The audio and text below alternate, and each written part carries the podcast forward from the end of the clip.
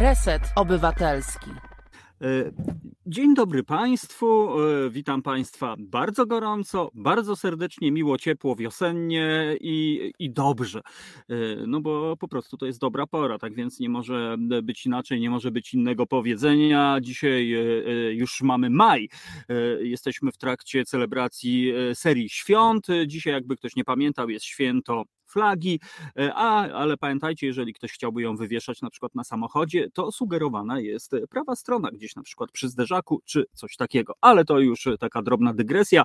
E, tymczasem e, witam bardzo serdecznie naszych słuchaczy, a właściwie słuchaczki i słuchaczy. No i dzisiaj lecimy, lecimy, mimo że święto, to jednak ktoś musi być na posterunku, żeby ktoś mógł wypoczywać. No i myślę, że to samo powiedzenie odnosi się do moich dzisiejszych gości, zacnych, znakomitych e, ludzi. Już za chwilę e, Bartek Miecznikowski, a właściwie Bartosz Miecznikowski, e, człowiek, którego pewnie niektórzy z Was znają, bo chciałem przypomnieć onegdaj w dawnych, zamierzchłych czasach fantazyjną, a chyba zresztą nawet ostatnią audycję w Halo Radio, gdzie właśnie Bartosz był moim gościem, więc porozmawiamy. Fundacja Muzyczni Czarodzieje, ludzie, którzy no rzeczywiście czarują i trzeba tak to absolutnie nazwać. Projekty niebywałe, oddolne, idealnie wpisujące się po pierwsze w tematykę i nazwę e, naszej audycji i po drugie w postawę, a właściwie w budowanie postawy obywatelskiej. W drugiej części programu, proszę Państwa, będzie e, dynamicznie niczym jazda motocyklem. Ci, którzy e, znają to uczucie, no to wiedzą czego się spodziewać, bo proszę Państwa, spotkamy się z Emilią Ornat i Przemysławem Malcem z Fundacji Ratownictwo Motocyklowe Polska. To są ludzie, o których Absolutnie nie mam wątpliwości, że wcześniej czy później mm, powstanie film prawdopodobnie mm, fabularny i wtedy naprawdę myślę, że to będzie serial i kilka sezonów. E, ale tak mm, trochę na serio porozmawiamy o ratownictwie medycznym na jednośladach. No każdy, kto, e, kto ogarnia tę sytuację wie, jak trudno czasami dotrzeć e, do różnych zdarzeń, na przykład regularnej karetce pogotowia. No i tu naprzeciw tym problemom wyszli nasi bohaterowie, nasi e, no, przedstawiciele Fundacji Ratownictwo Motocyklowe e, Polska. Naprawdę, naprawdę e, szykujmy się i zacierajmy ręce. No ale jeśli chodzi o film i scenariusz, to myślę, że równie dobry dostarczyłby i dostarcza działanie właśnie Fundacji muzyczni czarodzieje. Tak jak w tamtym przypadku może byłby jakiś taki sensacyjny. Myślę, że tutaj naprawdę taki mocno obyczajowy i też taki chwytający za serce. E, to, to tak, taka wizja. Ale to już zostawmy, proszę Państwa. I w, w konwencji show biznesowej chciałem powitać e, naszego pierwszego gościa, ale zanim jeszcze powitam, to przecież powinienem przedstawić, że Asia dzisiaj jest realizatorką, ale ja jestem jakiś taki mm, trochę ten. No ale wybaczcie, w końcu jest święto flagi, od patrzenia na powiewa flagę może się w głowie zakręcić. Także, e, drodzy Państwo, witam serdecznie Bartosz Miecznikowski. Da, da, da, da. Dzień dobry, witam Aha. wszystkich, pozdrawiam z krainy kleszczy i przymrozków, czyli z Warmii Mazur, spod Ełku. O rety, to niezwykle przyjemne, ale e, to tak na sam początek, ale jak to, kleszcze już się zaczęły, takie już widziałeś, niestety jest suną tam na swych nóżkach sześciu. No jest, jest. Dużo, dużo rodzin przyjechało kleszczy dzisiaj tutaj. A, I na psa, klesz... i na nas. A, niestety, czyli zima była zbyt słaba, skoro nie wymroziła i kleszczao zaatakowała. Ale zostawmy te kleszcze, niech one sobie grają swoją muzykę. E, Bartek, porozmawiajmy o niesamowitej płycie, której już sam tytuł jest ujmujący, sam tytuł jest niczym e, Dokładnie. Tutaj okładeczka co Kimkolwiek jesteś, Tomaszu. życzę Ci dobrze po prostu. E, tytuł, e, który no, jest, jest poniekąd takim zaklęciem. Ja to, ja to tak odebrałem, e, Bartek. Nie wiem, czy to dobry klucz do rozumienia tego albumu niezwykłego. No tytuł jest w naszym dorobku pięciopłytowym, ten tytuł dla mnie jest najtrudniejszym tytułem, bo we wcześniejszych, na, na wcześniejszych płytach dotykaliśmy tematów mm, trzy, trzy stereotypów czy cudów, E, a tutaj ten tytuł bardziej jest mm, skierowany, mam nadzieję, mam wrażenie, do nas, bo bardzo trudno jest życzyć wszystkim ludziom dobrze. No, dla mnie jest to bardzo trudny tytuł tej płyty. Również teksty czy muzyka też nie jest najłatwiejsza, także wszystko jest no, pasujące do siebie, nie? Mhm. No tytuł gdzieś tam e, jest na równo zna, e, równoważni skochaj wszystkich, nie oszczędzaj nikogo, tak jakoś gdzieś mi się tam skojarzyło i, i, słowa, które wybrzmiały właśnie twoje, że, że to fajnie brzmi, ale naprawdę trudno to w życie wprowadzić tak naprawdę, to proste zdanie. Nie Dokładnie wiem, czy tak. się zgodzisz niestety z tym.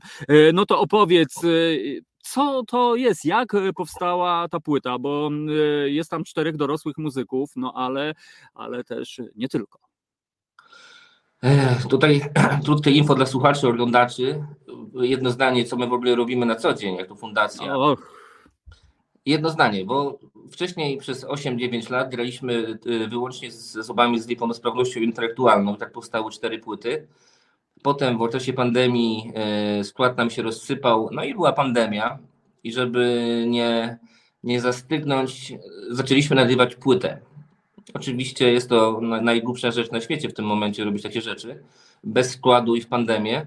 Eee, mi się przypomniała piosenka, którą kiedyś graliśmy z zespołem z ósmego ogrodu jordanowskiego z dziećmi i z młodzieżą, która właśnie nosiła taki tytuł, kimkolwiek jesteś, życzę Ci dobrze.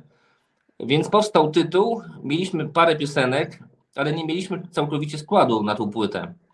Ale stwierdziliśmy, że pójdziemy w tą noc, pójdziemy w tą opcję, nie wiadomo co się wydarzy. E, I udało nam się uzbierać, znaczy to jak to brzmi głupio, uzbierać, zaprosić do współpracy e, bardzo czasem strajne środowiska, które w życiu by się nie spotkały, bo e, jest Tomek, który jest z nami od początku, czyli uczestnik środowiskowego domu samopomocy na Targówku. E, są dzieci z domu dziecka, z placówki opiekuńczej Biały Domek. Jest Przemek Nareski, wokalista punkowy od dwudziestu paru lat. E, no już teraz nie pamiętam. Zawsze jak mówię o tej płycie, to zawsze mi wystartuje około 30 osób. Udało nam się uzbierać. I tak jak właśnie płyta tak samo jak nawet okładka, którą pokażę jeszcze raz. Tutaj jest Lena, która również śpiewa na tej płycie. E, kimkolwiek jesteś, czyli na tej płycie naprawdę jest, nie że ktokolwiek, ale jest taki rozstrzał i muzyczny, i osobowy, żebyśmy no, chcieliśmy zawrzeć na tej płycie właśnie tą wielowymiarowość człowieka. Wielowy, no wy, myślę, że wyraz wielowymiarowość jest dobrym wyrazem do tego, nie? Że jak ktoś posłucha tej płyty ale wcześniej nie będzie, nie przeczyta tutaj takiej ładnej opowieści, o czym to jest, to się może rozczarować, bo tam jest dziewięć utworów, które tak naprawdę e, jest bardzo różnorodna, nie? Więc zachęcam, jeśli ktoś nabędzie płytę, a zachęcam, ponieważ e, cały dochód jest przeznaczony na polską akcję humanitarną na rzecz Ukrainy, e, no to zachęcam do przeczytania historii o fundacji, jaka to jest płyta, nie? Mhm. No też e, sytuacja, czyli wojna, którą mamy nieopodal, też się wpisała w ogóle jakoś, w, a właściwie odwrotnie, płyta się w ten charakter jakoś wpisała i, i jeszcze bardziej e, wyjątkowo się prezentuje jakby, no nie wiem, czy to jest właściwe no, słowo. No, my zaczęliśmy, zaczęliśmy nagrywać rok temu i jak już e, po nowym roku byliśmy przy końcówce i potem wybuchła wojna, no nie mogliśmy zrobić inaczej, żeby no żeby dochodu nie przeznaczać na, na, na polską akcję humanitarną, nie? Bo to mhm. jakbyśmy wydali płytę pod tytułem, nie wiem, lubię wiosnę, no to ja rozumiem, że ktoś lubi wiosnę, nie? Ale jeśli sens, cała idea, czy fundacji, czy płyty jest kimkolwiek jesteś, że ci dobrze, no to chcieliby, chcieliśmy po prostu bardzo materialnie pomóc y, bardzo realnym osobom, nie? Mhm. E, Te hasła nie były hasłami, ale również y, prawdą, nie? Oj tak, y, to jest, to jest mega trudne, ale pozwól, że y, spytam o takie historie, bo my dorośli jakoś y, no możemy analizować tę sytuację, rozmawiać, patrzeć na to z różnych perspektyw. Natomiast tutaj są dzieci, czy była okazja w ogóle, no już rozumiem pod koniec jakoś, rozma- znaczy nie, no okazja musiała być, ale jak one właśnie postrzegają to hasło? Czy ono wymagało tłumaczenia, rozmów, czy po prostu każdy ma swoją tutaj, y, nie wiem, wizję, rozumienia tego zdania. Chodzi o tytuł płyty, tak? Bo trochę mi Tak, tak, przerywasz, tak. ja tak łączę, A, łączę z głoski, ale daję radę, daję radę. Okej, E, chodzi mi o tytuł płyty, o, ha- samo hasło, bo tak jak my dorośli, wiesz, rozumiemy i możemy o tym rozmawiać, jak dzieci to postrzegały, czy była sytuacja wymagająca tłumaczenia, po co, co to znaczy w ogóle, czy, czy dzieci co? same jakby tworzyły definicję. Najmłodszą, najmłodszą załogą na płycie są dzieci z placówki opiekuńczej Białodomek, tam wiek 8, Mhm. 12, 10 nie, lat. I o, yy, jak byliśmy na warsztatach właśnie u nich yy, w bazie i s- pytaliśmy się dzieciaków, yy, o czym chcecie zaśpiewać piosenkę nie, na tej płycie, no bo była już teoretycznie gotowa muzyka, ale nie było tekstu. Mhm. I dzieci zrobiły, jak to nazwać, bardzo mocną rzecz, bo stwierdziły, że napiszemy piosenkę o tym, że ktoś jest zaginiony i, ja, i dziecko znajduje tą osobę, nie? Czyli jeszcze raz, dzieci z placówki opiekuńczo-wychowawczej pod tytułem Dom Dziecka chciały, żeby na, w tej piosence zaśpiewać o tym, że ktoś ginie, jest zaginiony, ale jednak y, chyba dziecko znajduje tą osobę, nie? Czyli to było w ich sercu. i Nie chciały pisać piosenki o McDonaldzie albo o Mhm. nie wiem o czym. I i to było ich jakby pragnienie, żeby w tej piosence było, że ktoś jest zaginiony, ale znajduje, znajduje się na końcu tej piosenki ta osoba, nie? Niesamowite. Eee, Przemek pisał sam słowa, ale wiedział o czym mniej więcej jest płyta, a pisze bardzo też wielowymiarowe teksty, więc myślę, że jak jeśli ktoś posłucha, to odczyta to na swój sposób. Eee, mm, No, ale właśnie Biały Domek, załoga z Białego Domku rozwaliła system na maksa, nie? Mhm. ja myślę, że A tam jak- właśnie... No. E, Bar, e, no bo wiesz, y, ty, ty masz, y, wy, ty masz duże doświadczenie, tak jak mówiłeś, bo tutaj Jola, nasza słuchaczka, e, tak nawiążę do komentarza. Jola napisała, że pierwszy raz spotyka się z waszą fundacją. Jolu, to, no, to lepiej, znaczy no nie, bardzo dobrze, że to się dzieje, natomiast no cóż, no, namawiam do, do zdobycia dyskografii i, i w ogóle no, macie doświadczenie z pracą z dziećmi, z dziećmi z niepełnosprawnościami. Jak ty w ogóle e, zareagowałeś, albo nie wiem, czy musicie mieć jakieś wsparcie, no bo wchodząc do takiego domu dziecka, no to ten, kto tam nie był, to, to nie wie, no, jakie to są emocje, jak tutaj się zachować, wiesz, jak to jest z tobą. Odpowiem Ci oczywiście na okrągło albo na obkoło. Mhm. Jest tak, bo na tej, e, jak mówiłem, zaczynaliśmy nagrywać płytę mając parę utworów, Mhm. nie, nie dziewięć. E, I przez ten rok 2021 również realizowaliśmy warsztaty z Ministerstwa Kultury, które się właśnie nazywały UFO, jak dobrze pamiętasz, płytę. Kultura warsztaty- miłości. Dokładnie. I to były warsztaty prowadzone mm, zakład poprawczy dla dziewczyn, e, Mhm. zakład karny, hospicjum, dom sen, e, seniorzy. I w trakcie tych warsztatów, e, czy, czy w hospicjum, czy w, e, Boże, w areszcie śledczym, w zakładzie karnym, gdzie naszym zadaniem było stworzenie zespołu z uczestników, e, to nam dało e, nie że mocy, tylko takiej świadomości tego, że ro- y, proces tworzenia grupy, y, układania utworów, pisania tekstów jest tak uwalniający, uboga- że, że szok. Nie? I potem parę utworów powstało właśnie na warsztatach. Na przykład e, utwór Bądź powstał na warsztatach z mieszkańcami e, domu otwartego na Targówku, nie? Czy e, chyba jeszcze jedna piosenka, że część utworów powstało w trakcie warsztatów. Nie, nie była to piosenka Mhm. skomponowana 13 lat wcześniej i tak dalej, nie? Ale odpowiadając na Mhm. Twoje pytanie o dom dziecka, to ja myślę, że to po prostu. Ja myślę, że nie ma co się tak wziąć- spinać, nie? Aha. Oczywiście. No, Mm. Jest. Nie wiem, co ci odpowiedzieć, wiesz, bo ja y, czasami właśnie Okej. idzie do, ośrod- do ośrodka z osobami z niepełnosprawnościami, czy do domu dziecka e, i się bardziej boi niż ta osoba, która jest w danym ośrodku, nie? Ale to tylko i wyłącznie wynika z lęku, ze strachu, bo wcześniej się tam nie było, nie? Ja myślę, No. że osoba, która się takich rzeczy, powinna raz, dwa, trzy e, Mhm. i zobaczyć, że na tej sytuacji spotkania z tą osobą jest sytuacja, ta osoba wygrywa i ta osoba wygrywa, tylko muszą się po prostu spotkać, nie? Więc jak to się mówi, nie lękajcie się. No, widzisz, Bartek, jakie, jakie to jest ważne. Z jednej strony, wiesz, e, to pytanie może, może być idiotyczne, ale prawda jest taka, że no, trudno, są czasami e, takie tematy, że ludzie chcą dobrze i, i dziwnie to wychodzi, no bo, bo jakby. e, Ale to jest nieuniknione, myślę. No jak? No, Mhm. no przecież możesz s- skończyć jakieś cudowne studia i pójść do na przykład e, jako wolontariusz do domu dziecka albo gdziekolwiek i popełnić tysiąc gaf i bardzo dobrze.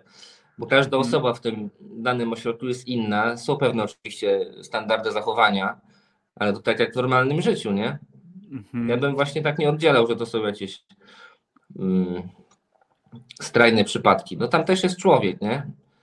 Oj, tak, zdecydowanie tak, tylko że tak jak mówię, no czasami jest y, trudno. Być może dlatego, że, że wiesz, y, nie ma tego za bardzo w przestrzeni publicznej. Zawsze y, takie tematy jak zakład karny, dom dziecka, one gdzieś tam były, gdzieś tam, no po prostu zapomniane, ani to medialne, ani to wiesz, no Ale- nie wiadomo co z tym robić. Ale jak my byliśmy przerażeni przed warsztatami właśnie w zakładzie karnym, no bo jakbyśmy grali koncert, to rozumiem, wychodzimy tam na scenę i tu, tu, tu, tu gramy, nie? Ale my mieliśmy zrobić zespół.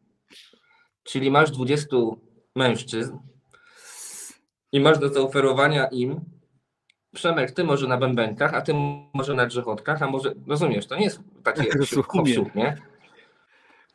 I było to piękne, że po 15 minutach klapki mi opadły z, z, po prostu z oczu, bo to było niesamowite dwudniowe spotkanie, bo oni sami naprawdę chcieli, nie? I sami chcieli, żeby potem koncert był, e, żebyśmy zagrali na dziedzińcu, między różnymi blokami Mhm. osadzonych, nie?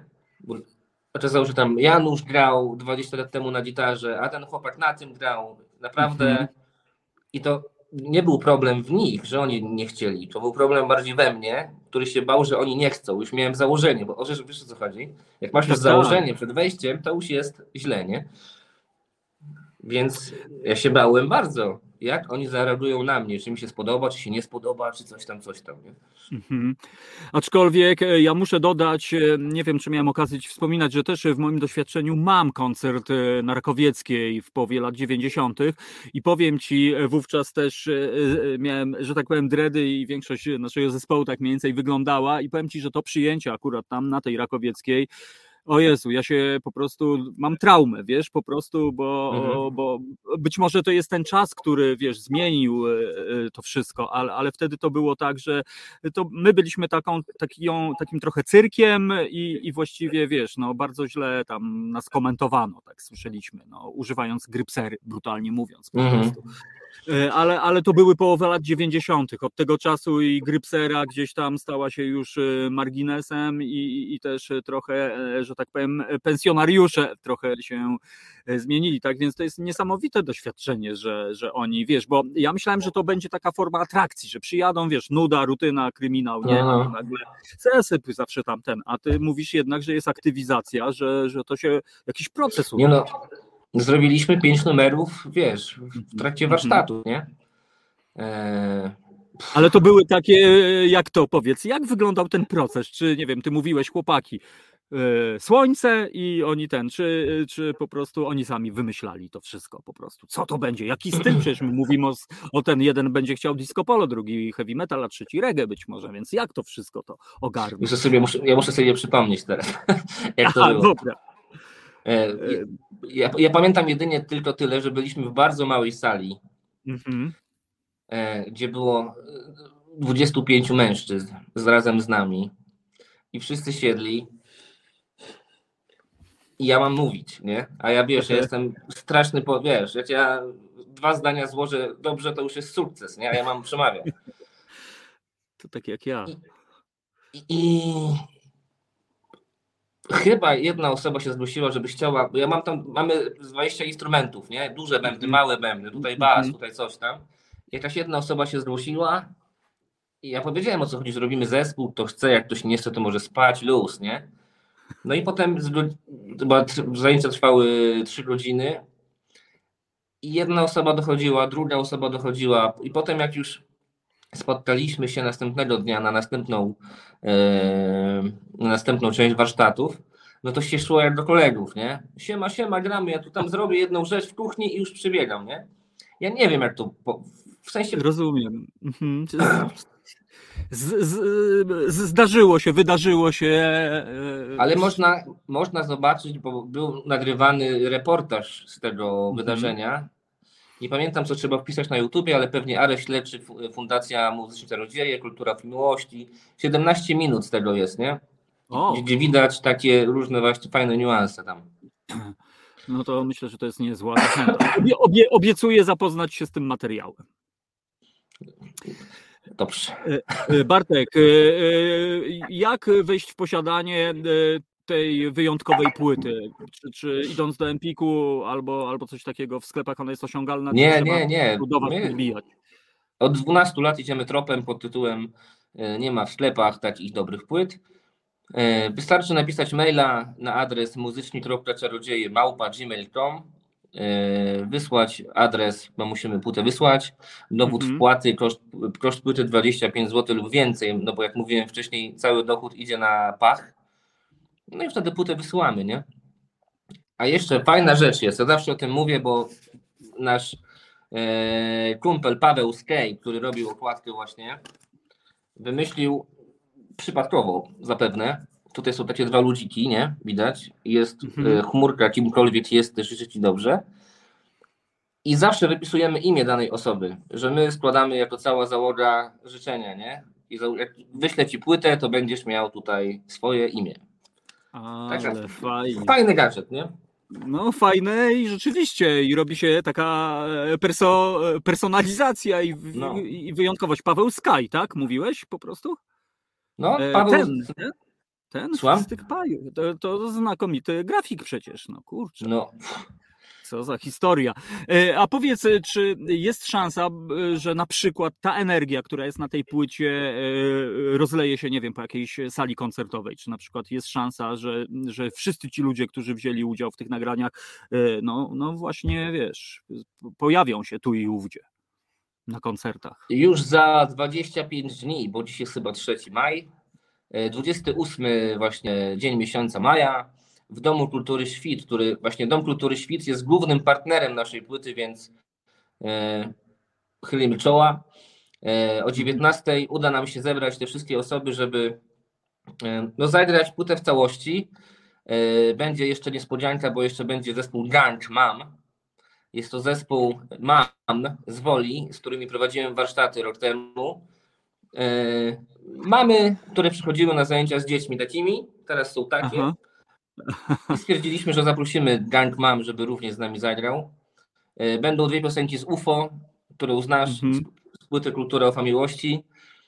Więc będzie więcej chyba osób niż 30. Będzie to bardzo długi koncert, E, ale to też będzie dobra okazja, żeby po 12 latach pokazać e, gościom, jakby co my tak naprawdę robimy, nie? Znaczy nie pokazać nas, co my robimy, tylko pokazać tych ludzi, którzy są, e, którzy poprzez muzykę mogą e, powiedzieć coś więcej, nie? No Czyli i 28 efekty. maja, Dom Kultury Świt, Godzina, No. o której to będzie? e, 19, 19.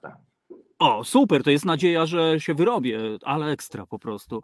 E, Więc zrobię wszystko, Bartek, na pewno, żeby e, tam dotrzeć. Natomiast właśnie, wiesz, ty mówisz o, o, o, o- efektach waszych działań.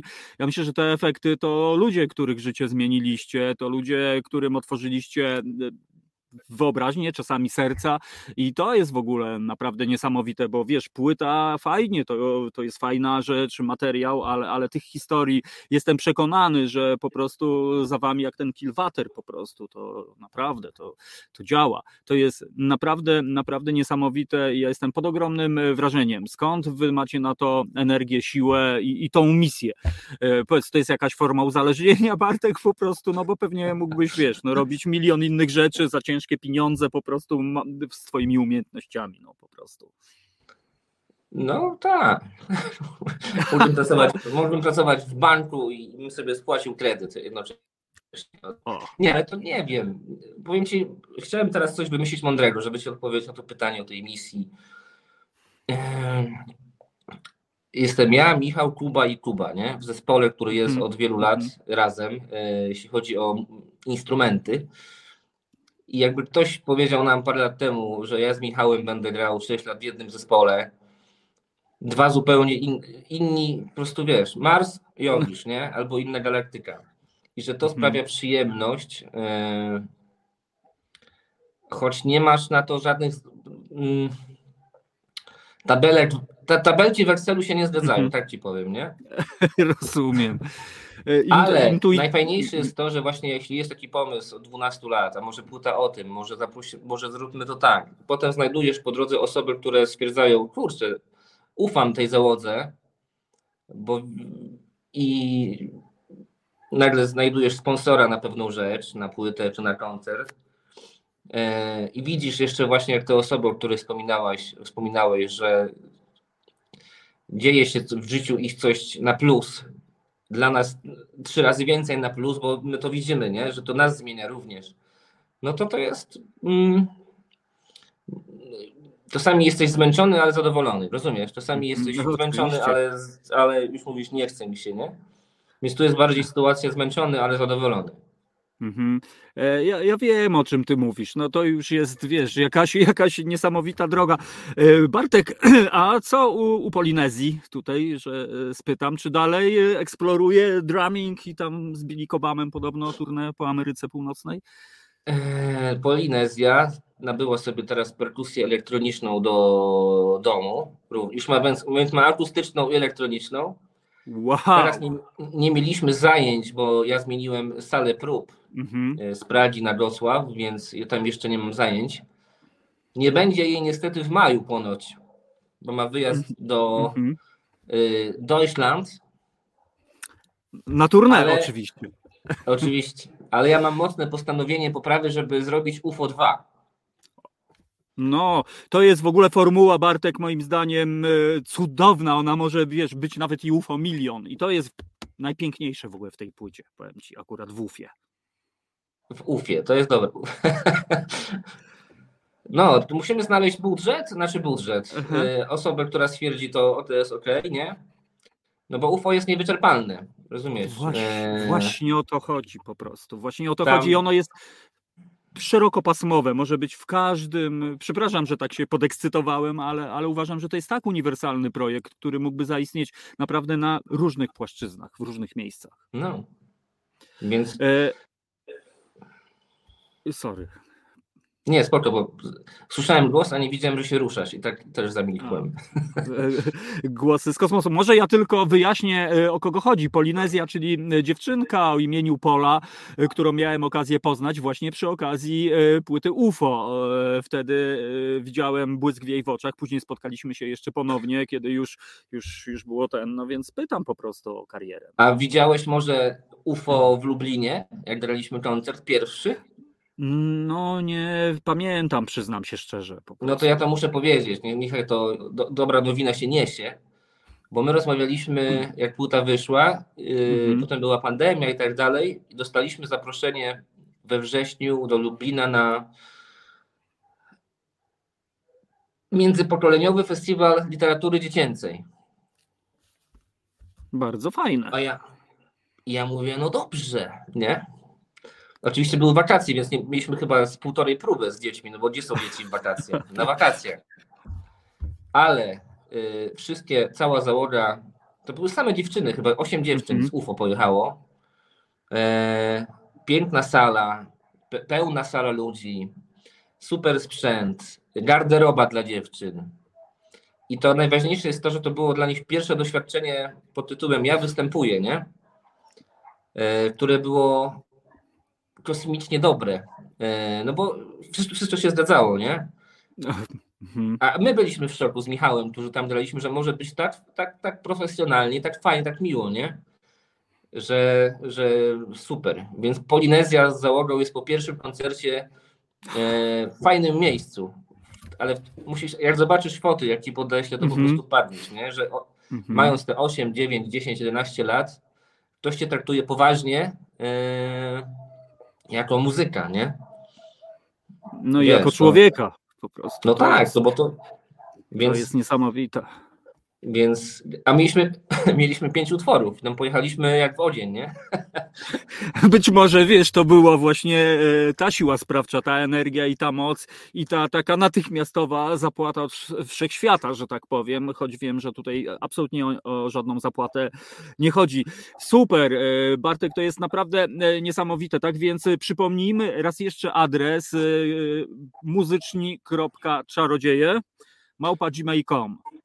No, ja zanim o adresie, to jeszcze tutaj, jak powiedziałeś, że pani z czatu y, powiedziała, że nie zna fundacji. Nie dziwię się, ale właśnie zachęcam, żeby mm, przed kupnem płyty, przyjściem na koncert na przykład, żeby Mhm. tą informację o, o fundacji, co robimy, rozprzestrzeniać, nie? Bo ja się właśnie często z tym spotykam przez mm, ostatnie lata, że mm,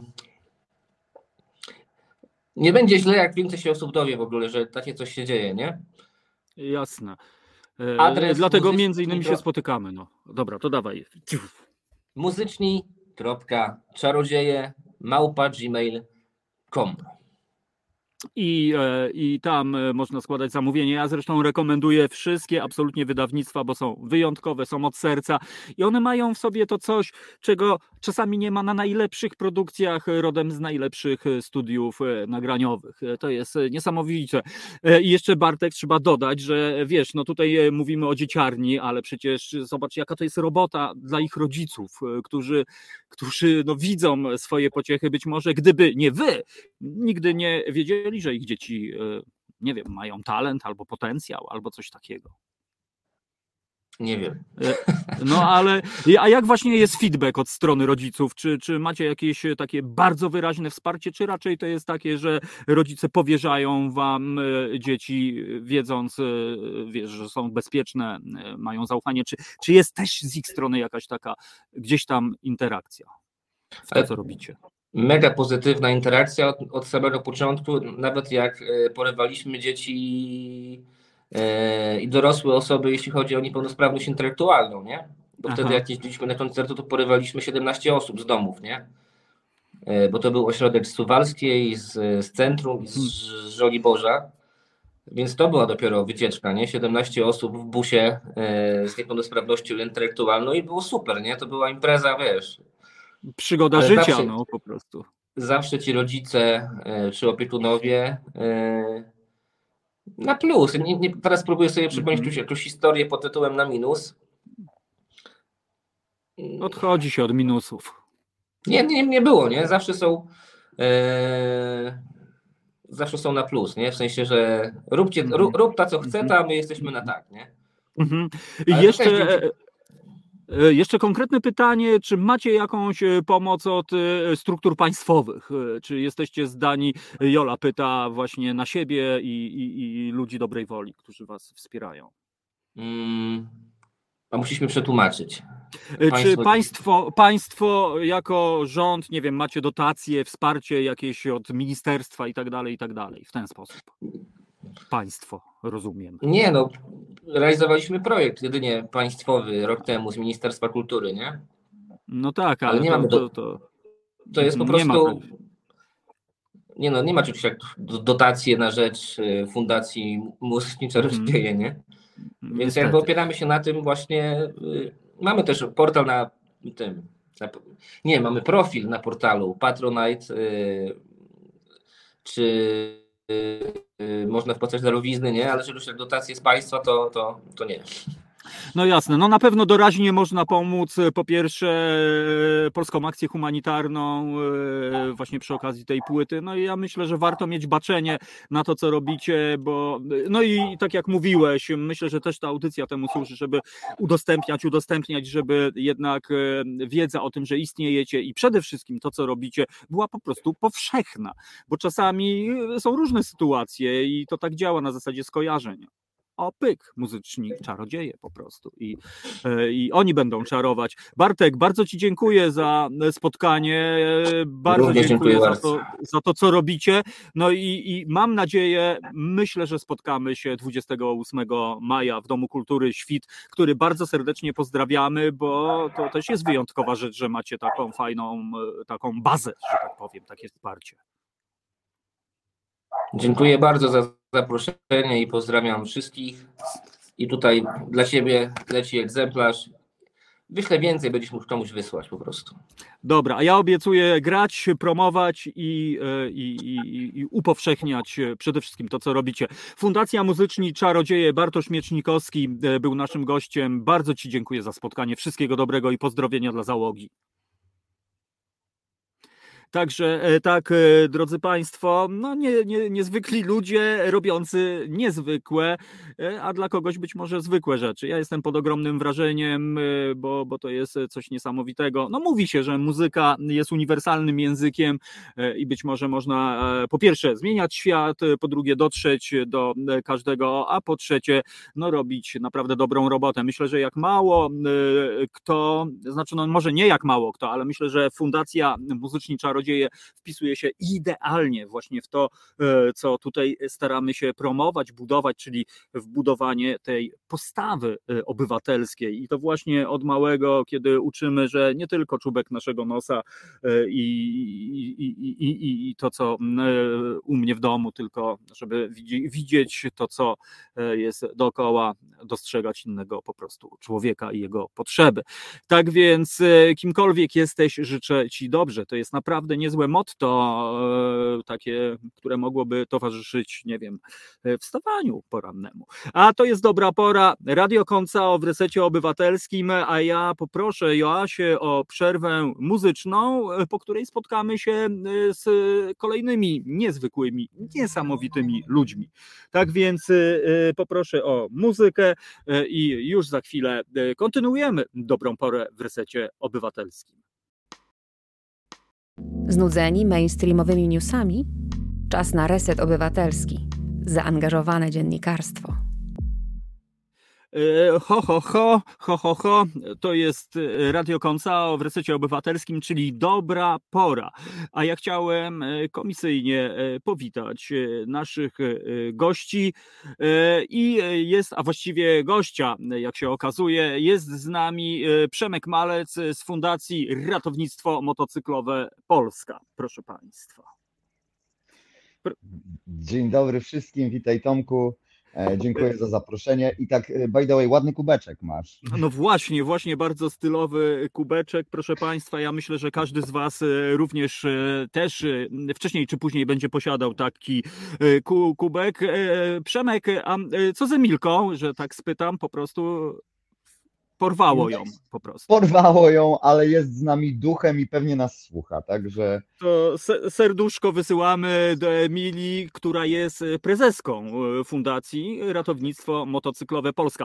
Przemek, pozwól, że na początek poproszę, żebyś e, odrobinę rzucił e, tutaj historii, rys historyczny, jak to się stało, że ta fundacja powstała, a potem to już po, polecimy, a właściwie pojedziemy po prostu tak postaram się w wielkim skrócie. Y, generalnie y, temat Fundacji Ratownictwo Motocyklowe Polska y, padł w momencie, kiedy mm, razem z Emilią doszliśmy do wniosku, że temat motocykli ratunkowych w tym kraju trzeba pchnąć do przodu. Od początku lat 2000, w pierwszej dekadzie lat 2000, mm, gdzieś tam zaczęły się pojawiać motocykle ratunkowe E, w kilku miejscach w Polsce. Były to lokalne inicjatywy e, i cały know-how dotyczący tych motocykli był rozsiany po całym kraju. Nikt się ze sobą nie dzielił informacjami. E, ustawa o Państwowym Ratownictwie Medycznym w dalszym ciągu nie posiadała na swoich obszernych stronnicach pojazdu, jakim jest motocykl ratunkowy. W związku z tym razem z Emilią stwierdziliśmy, biorąc pod uwagę to, że oboje jesteśmy E, w tej chwili już Emilia takim półmotocyklistą, bo jeszcze, jeszcze nie jest pełnym motocyklistą, natomiast ja jestem motocyklistą, można powiedzieć, od urodzenia. E, oprócz tego ratownikiem. E, łączę przyjemne z pożytecznym i stwierdziliśmy, że trzeba wziąć się z tematem za bary, pchnąć temat do przodu, zrobić coś, co będzie ogólnopolskie, co będzie takim miejscem, e, gdzie będzie można zdobyć y, pełne kompendium wiedzy, jeżeli chodzi o motocykle ratunkowe, dzielić się doświadczeniami, e, przemyśleniami z tym, co dalej i tak dalej, i, jak zrobić to po kolei. Mm, a poza tym, żeby w końcu y, pomóc y, wprowadzić te motocykle do systemu, bo tak jak gdzieś tam rozmawialiśmy e, parę dni temu, powiedzieliśmy Ci, że motocykle ratunkowe pojawiają się w projektach nowelizacji ustawy o Państwowym Ratownictwie Medycznym od wielu lat. Natomiast na tej ostatniej prostej zawsze gdzieś y, magiczna gumeczka je wygumkowuje i, i, i w tym y, ostatecznym, mm, w tej, w tej ostatecznej wersji tej ustawy tych motocykli nigdy nie ma. W związku z tym my stwierdziliśmy, że zrobimy tych motocykli na tyle dużo y, w kraju, że będzie można na ich podstawie przekonać się o ich, y, docenić ich wartość, zrobić statystyki. E, jeżeli to nie pomoże, to zrobimy ich na tyle dużo, że ktoś po prostu się w końcu wkurzy i te motocykle tak czy inaczej zalegalizuje, bo, no, bo będzie mhm. musiał.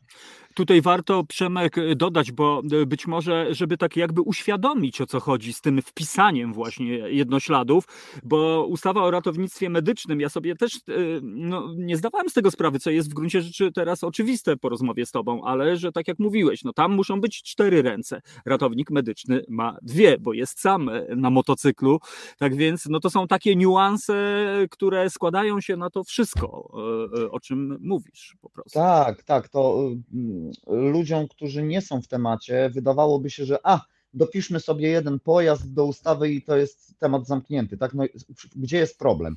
Otóż problem jest dużo szerszy, bo e, dopisanie motocykla ratunkowego wiąże się tak naprawdę e, ze zmianą praktycznie całej ustawy i e, wszystkich rozporządzeń pisanych do nich, ponieważ motocykl, jeżeli się pojawia, on jest takim troszeczkę mm, tym ogniwem w łańcuchu ratunkowym, który zaburza to, co było do tej pory. E, tak jak wspomniałeś, wszystkie procedury w ratownictwie są, medycznym są pisane na minimum cztery ręce. W związku z tym wszystkie rozporządzenia wykonawcze, zapisy ustawy, które mówią o, uwaga, zespole ratownictwa medycznego, czyli o dwóch osobach lub więcej, musiałyby zostać zmienione pod kątem motocykla, czyli de facto dopisujemy tylko motocykl, ale zmieniamy całą ustawę, tak? I, I, być może to jest właśnie clue tego wszystkiego, że, że, że no po prostu się nie chce może komuś, a, a może tak jest po prostu wygodniej, ale no, my to zostawiamy. Ratownictwo, ratownictwo w tym kraju ma po prostu zdecydowanie poważniejsze problemy niż dopisanie jakiegoś tam motocykla. Na to kiedyś pewnie przyjdzie, mamy nadzieję i, i będziemy dążyli mm -hmm. do tego, żeby, żeby do tego doszło. Mm -hmm. no, no dobrze, to przejdźmy od, do konkretów. E, ile w tej chwili jednośladów z waszym logo jeździ po Polsce? Mm, o, widzisz, to tak podchwytliwe pytanie, bo teraz tak. Motoambulansów pełnoprawnych, takich mm -hmm. zarejestrowanych od A do Z ze wszystkimi homologacjami, zgodami, uprzywilejowaniem. W całej Polsce w tej chwili jeździ 13. Widziałeś na naszym podwórku 14, który będzie już przy, przygotowywany, ale to już pewnie na przyszły, na przyszły sezon. Już jest zakupiony. 13 jeździ jako motoambulanse w Polsce ale jednośladów z naszym logo, logo można spotkać o wiele więcej, ponieważ nasi wolontariusze, którzy jeżdżą swoimi prywatnymi jednośladami, również no, naklejkę nasze, nasze logo E, wożą na tych y, swoich mhm. jednośladach. E, no bo co tu dużo mówić. Y, sam jestem dumny z tego i mam nadzieję, że reszta naszych wolontariuszy również jest dumna z tego, że jest członkiem tej małej społeczności. No właśnie, i warto jakby ten symbol propagować, e, no bo e, jakby wiadomo, czym się zajmują ratownicy. Myślę, że też nie trzeba tłumaczyć przewagi motocykla w pewnych sytuacjach, e, no bo wiadomo, tutaj czas dotarcia jest kluczowym zjawiskiem. Ja byłem świadkiem, my się zresztą poznaliśmy, obserwowałem sobie, jak prowadzicie warsztaty, warsztaty z ratownictwa medycznego, no i, i tam naprawdę dowiedziałem się takich, no niby dla ciebie pewnie banalnych informacji, ale dla mnie no takich kluczowych, na przykład, że, że w mózgu powietrza jest tam na 4 minuty, tak? Dobrze zapamiętałem, czy na 5 po prostu? Tak, mówi się o złotych 4 minutach, to, to się nie wzięło znikąd, tak? Mhm. Od wielu lat Są instytucje, są podmioty, które zajmują się na stałe badaniami związanymi z procedurami udzielenia tej pierwszej pomocy przedmedycznej. To jest między, między innymi Europejska i Krajowa Rada, Rada Resuscytacji, oni, oni piszą wytyczne do tego. E, nie zgodzę się z Tobą, że e, mhm. z Twoim stwierdzeniem, że dla mnie to jest banalne. Dla mnie, dla mnie to nie są rzeczy banalne. To są dla mnie rzeczy, o których być może ja wiem, ale my szkoląc mamy pełną świadomość, że osoby, które przychodzą do nas na szkolenie, nie muszą tego wiedzieć. My, my nie przychodzimy tam się popisywać swoją wiedzą, e, wręcz przeciwnie, my przychodzimy przekazać tą wiedzę i przekazać ją w sposób dostępny. Z racji tego, że prowadzimy szkolenia dla wielu różnych grup i wiekowych, i e, społecznościowych grup różnych, i, i, i socjologicznie różnych grup.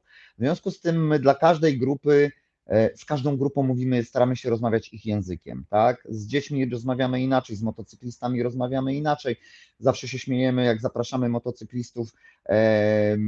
O, mocnych wulgaryzmów nie będzie, ale zacytuję nas, jak zapraszamy motocyklistów na nasze szkolenie, to mówimy, przychodźcie, u nas na, na szkoleniu będzie dupa i będą cycki, tak? E, nie powiemy tego na szkoleniu z emerytami. Mm, ale, ale tak, y, dopasowujemy te szkolenia i ten nasz język do tego, żeby to, żeby to trafiło, żeby to nie były suche formułki wyciągnięte żywcem z podręcznika. E, dla nas sukcesem, powiem Ci taką anegdotę, był na szkoleniu u nas chłopak, który, nie będę tutaj robił kryptoreklamy, chłopak, który jest y, blogerem, e, pisze blogi i był na naszym szkoleniu. E, niesamowitą rzeczą było to, że po dwóch miesiącach trafiłem na jego, gdzieś tam wyszukiwarka podpowiedziała mi nazwę fundacji naszą, że gdzieś ktoś o nas wspomniał. Wchodzę na ten blog, okazuje się, że chłopak, minęły dwa miesiące, słuchaj. E, chłopak mówi, że pierwszy raz w życiu był na takim szkoleniu, na którym po prostu nie spał. Szkolenie trwało 5 godzin e, i on na tym blogu opisał nasze szkolenie słowo w słowo, cytując nas słowo po słowie. Nie wiem, czy miał włączony dyktafon na tym szkoleniu, ale było dla nas to niezmiernie miłe, nie? że to jednak trafia, że to siada, że to zostaje. Przemek, ja tutaj wejdę w słowo, bo y, kiedy spotkaliśmy się pierwszy raz, y, podeszła do mnie dziewczynka, która wcześniej brała udział w waszych warsztatach, mała dziewczynka i mówi tak, a powiedzieć panu, jak telefon jest alarmowy? Y, ja mówię, no tak, jaki to jest numer. I ona właśnie to, czego się nauczyła u was. No ja to już 10 razy mówiłem wszędzie. Jedna buźka, jeden nosek, dwoje oczu. Ja mówię, o rety, i ona taka dumna, tak. E, więc tutaj a propos dopasowywania e, tej wiedzy do każdego, e, tutaj nie bez kozery też wywołałem temat dzieci. Jak ważna jest rola właśnie szkolenia? Czy w ogóle ma sens szkolenie takich małych dzieci po prostu? Ma ogromny Tomku sens. My od 2016 roku, od 2017 roku, przepraszam, w naszej fundacji uruchomiliśmy projekt, który nazywa się Mały Bohater. E, nie wzięło się to znikąd. E, jest to projekt szkoleń z pierwszej pomocy dla dzieci w wieku szkolnym, wczesnoszkolnym i przedszkolnym. Czyli dzieciaki od praktycznie trzeciego roku życia do trzeciej klasy szkoły podstawowej. Wyżej już nie wchodzimy w kompetencje mhm. nauczycielom edukacji dla bezpieczeństwa, no chyba, że nas poproszą, zaproszą, no to mm, bierzemy udział w ich zajęciach, y, wspieramy ich, supportujemy, natomiast w tym okresie, kiedy tego EDB nie ma, e, jesteśmy my. E, I teraz w zależności skąd w ogóle wziął się ten pomysł. My trafiliśmy na statystyki, słuchaj, ze Skandynawii, mm, gdzie w latach 90. poziom świadomości y, i, wiedzy o pierwszej pomocy w krajach skandynawskich, gdzie jest to niezmiernie ważne, ponieważ tam od sąsiada do sąsiada mamy 60-80 kilometrów, no to, to, w niektórych rejonach, tak, no gdzieś tam powiedzmy w aglomeracjach nie, no ale jeżeli mieszkamy gdzieś na, tam, gdzie nam fiordy z ręki jedzą, no to, y, to już te odległości się robią, no nie? Przepraszam. E, i statystyki skandynawskie mówiły o tym, przypomnę, to był początek lat 90., mówiły o tym, że y, świadomość y, z udzielania pierwszej pomocy przedmedycznej jest na poziomie e, 7-9%, czyli inaczej mówiąc, na 10 osób obecnych y, na miejscu zdarzenia niecała jedna potrafi nam udzielić pierwszej pomocy. E, Państwo, państwa skandynawskie nie zostały obojętne i wprowadziły właśnie y, zajęcia z zakresu udzielania pierwszej pomocy już w wieku przedszkolnym, tak? Już tak odgórnie jako program, y, jako jeden z, z materiałów programowych mm, wprowadzili to w latach 90. I co się okazuje? Mijają dwa pokolenia, tak? No bo mamy rok 90, teraz mamy 2000, 2022.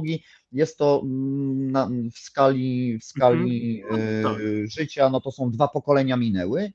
E, I okazuje się, że y, ci ludzie w tej chwili w Skandynawii są przeszkoleni, mają świadomość z zakresu udzielania Mhm. pierwszej pomocy przedmedycznej na poziomie 97-8%.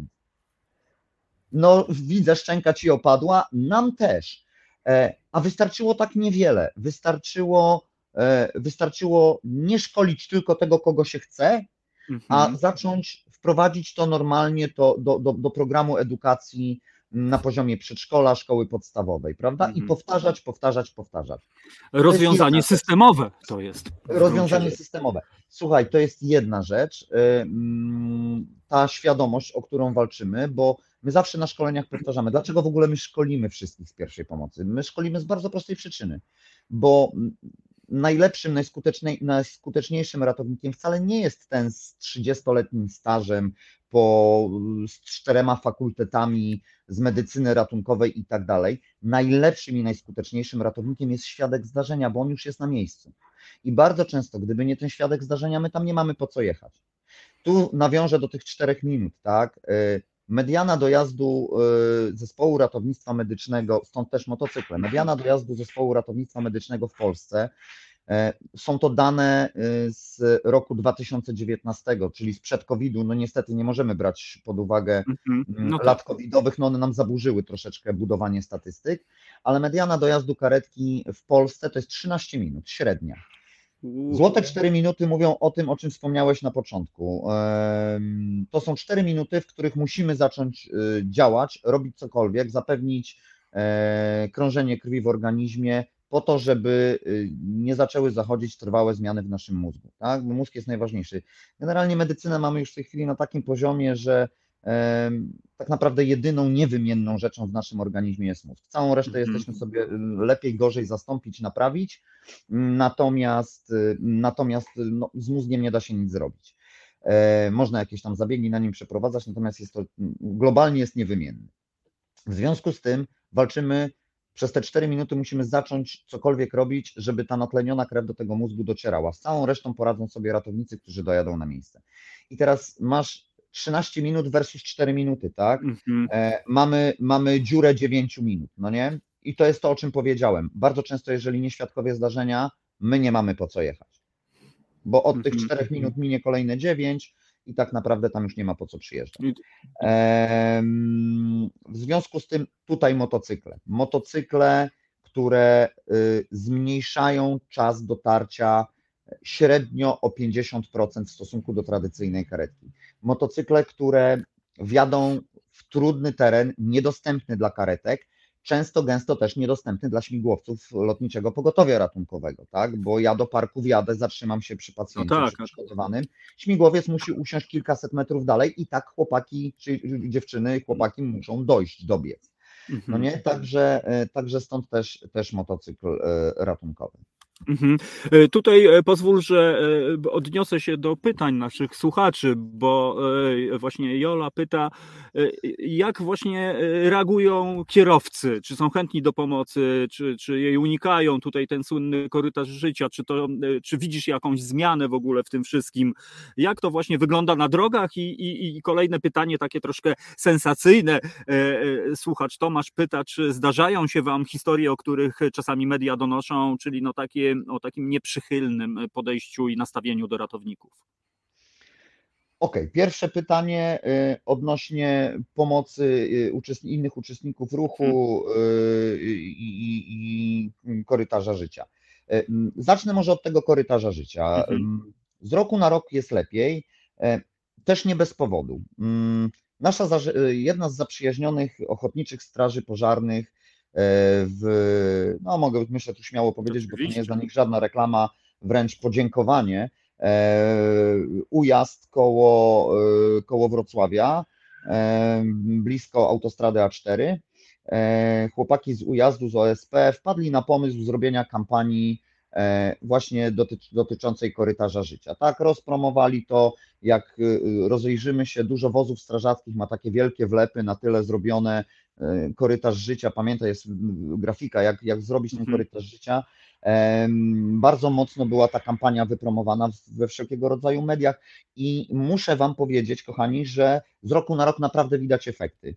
Przez, y, przez ja motoambulansem, jako motoambulansem jeżdżę już blisko 10 e, lat e, i z roku na rok naprawdę widać e, progres, a te lata od 2000 bodajże 17 roku, ta kampania w 17 albo w 18, nie chcę skłamać, ale ten progres od momentu, kiedy ta kampania weszła, w życie i, i zaczęła być promowana, naprawdę robi mega robotę i z roku na rok widać ten progres, jeżeli chodzi o korytarz życia. Ludzie zaczynają wiedzieć, co robić, mhm. zaczynają, e, nie głupieją przede wszystkim, bo kierowca nam, nam, kierowcom e, pojazdów uprzywilejowanych, nie mówię tutaj tylko o motoambulansach, ale i o zwykłych ambulansach, o radiowozach, wozach straży pożarnej i wszystkich innych pojazdach uprzywilejowanych, najgorsze, co nam może zrobić e, kierowca, Najgorszy numer, który nam może odwinąć, to jest to, że jak jedzie swoim pasem ruchu, usłyszy sygnały, depcze w hamulec i zatrzymuje, i zatrzymuje się tak, jak jechał w tym samym miejscu.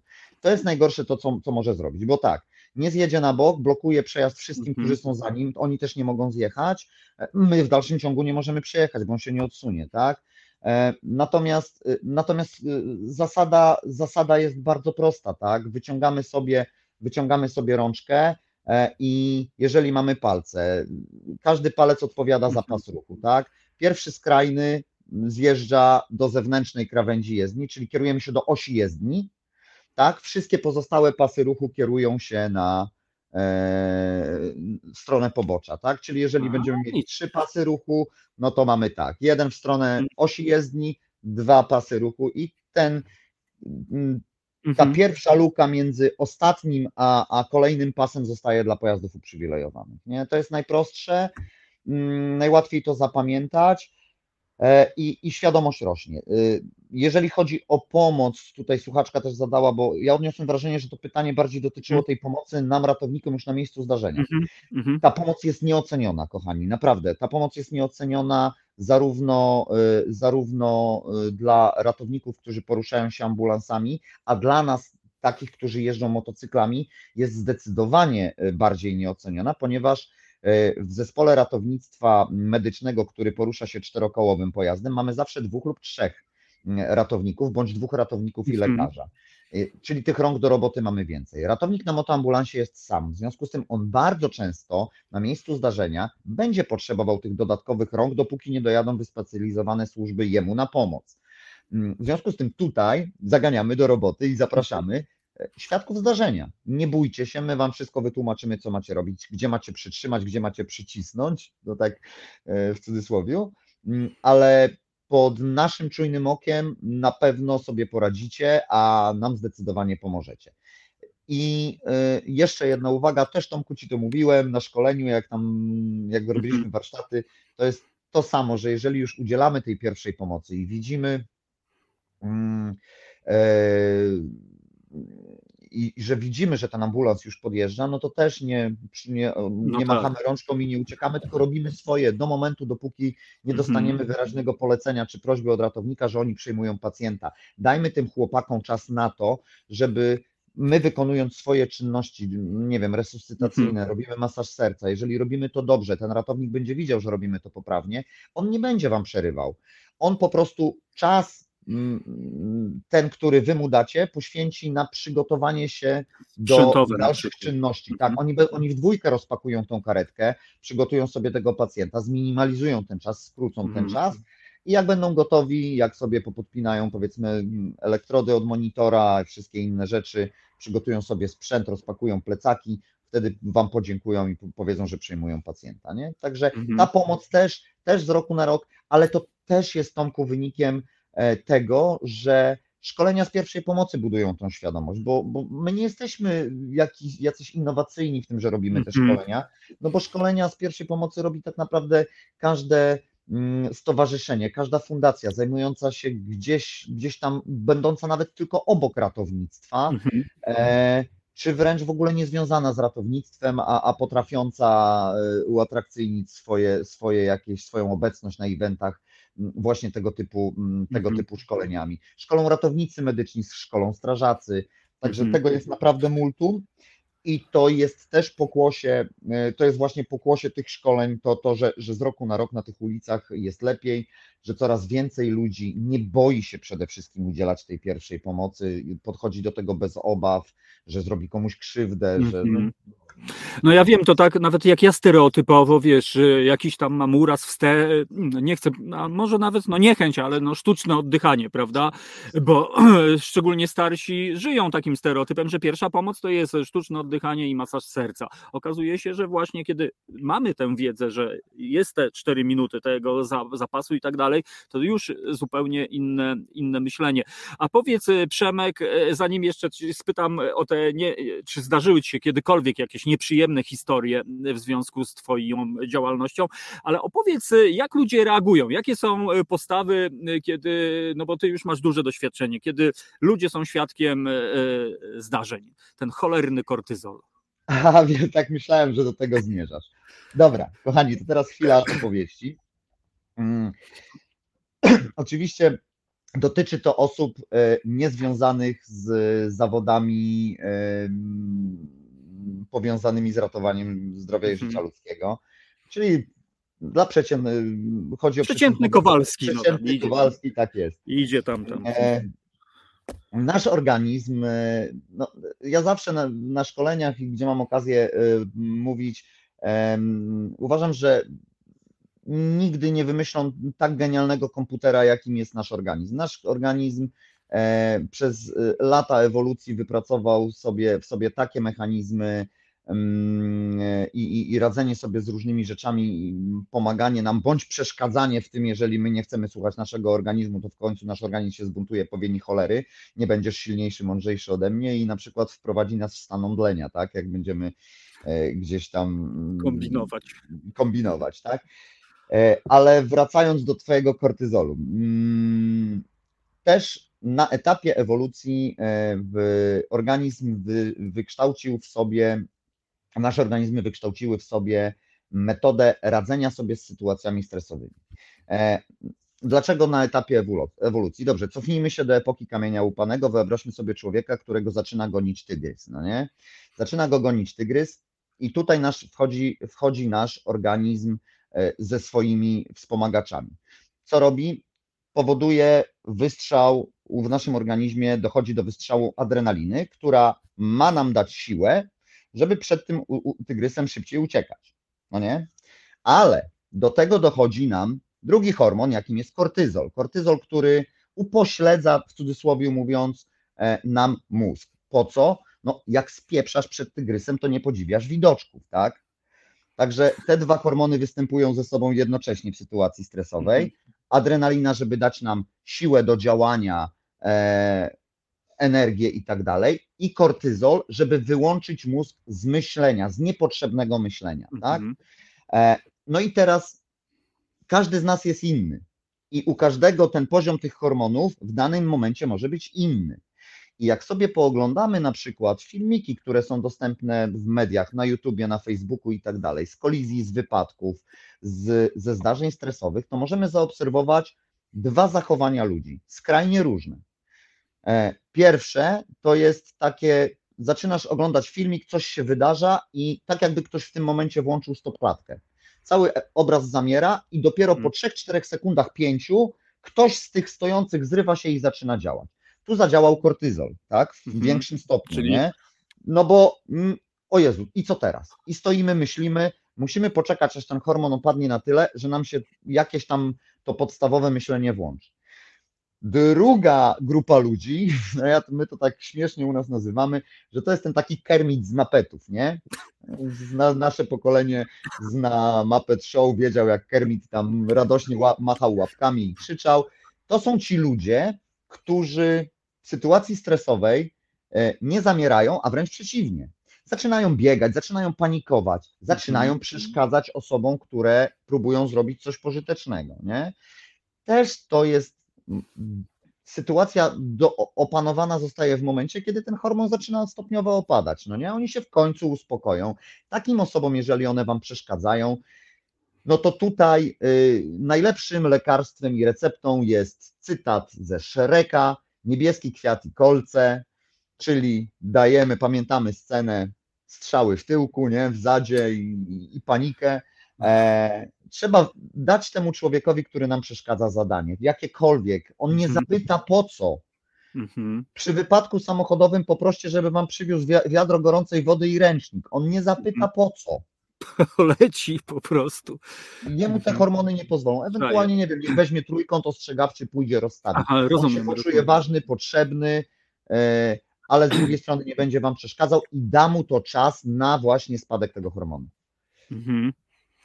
No, w- no właśnie, to jest dla mnie niesamowita ciekawostka, że to tak naukowo e, wytłumaczamy po prostu, że tutaj substancja, która jest w każdym z nas, decyduje Ale o Tomku, takim my, my nie naukowo, zobacz, Nie, no ja wiem, wiem, wiem, ale kortyzol i naukowe- adrenalina tutaj te nazwy. naukowe rzeczy wytłumaczyliśmy ci w łopatologiczny sposób. I oto, widzisz, to jest wyjątkowe to, co robicie, dlatego, bo ja e, przyglądałem się waszym warsztatom i, i wiem, że właśnie taka wiedza podana w ten sposób trafia, myślę, że jak właśnie w dziesiątkę w tarczę, bo co innego, kiedy, wiesz, no ktoś robi szkolenie, nie wiem, no bo, bo ma zrobić je, czyli tak, to było, to było, to było, tutaj się uciska, dziękuję, zaświadczenie, proszę bardzo.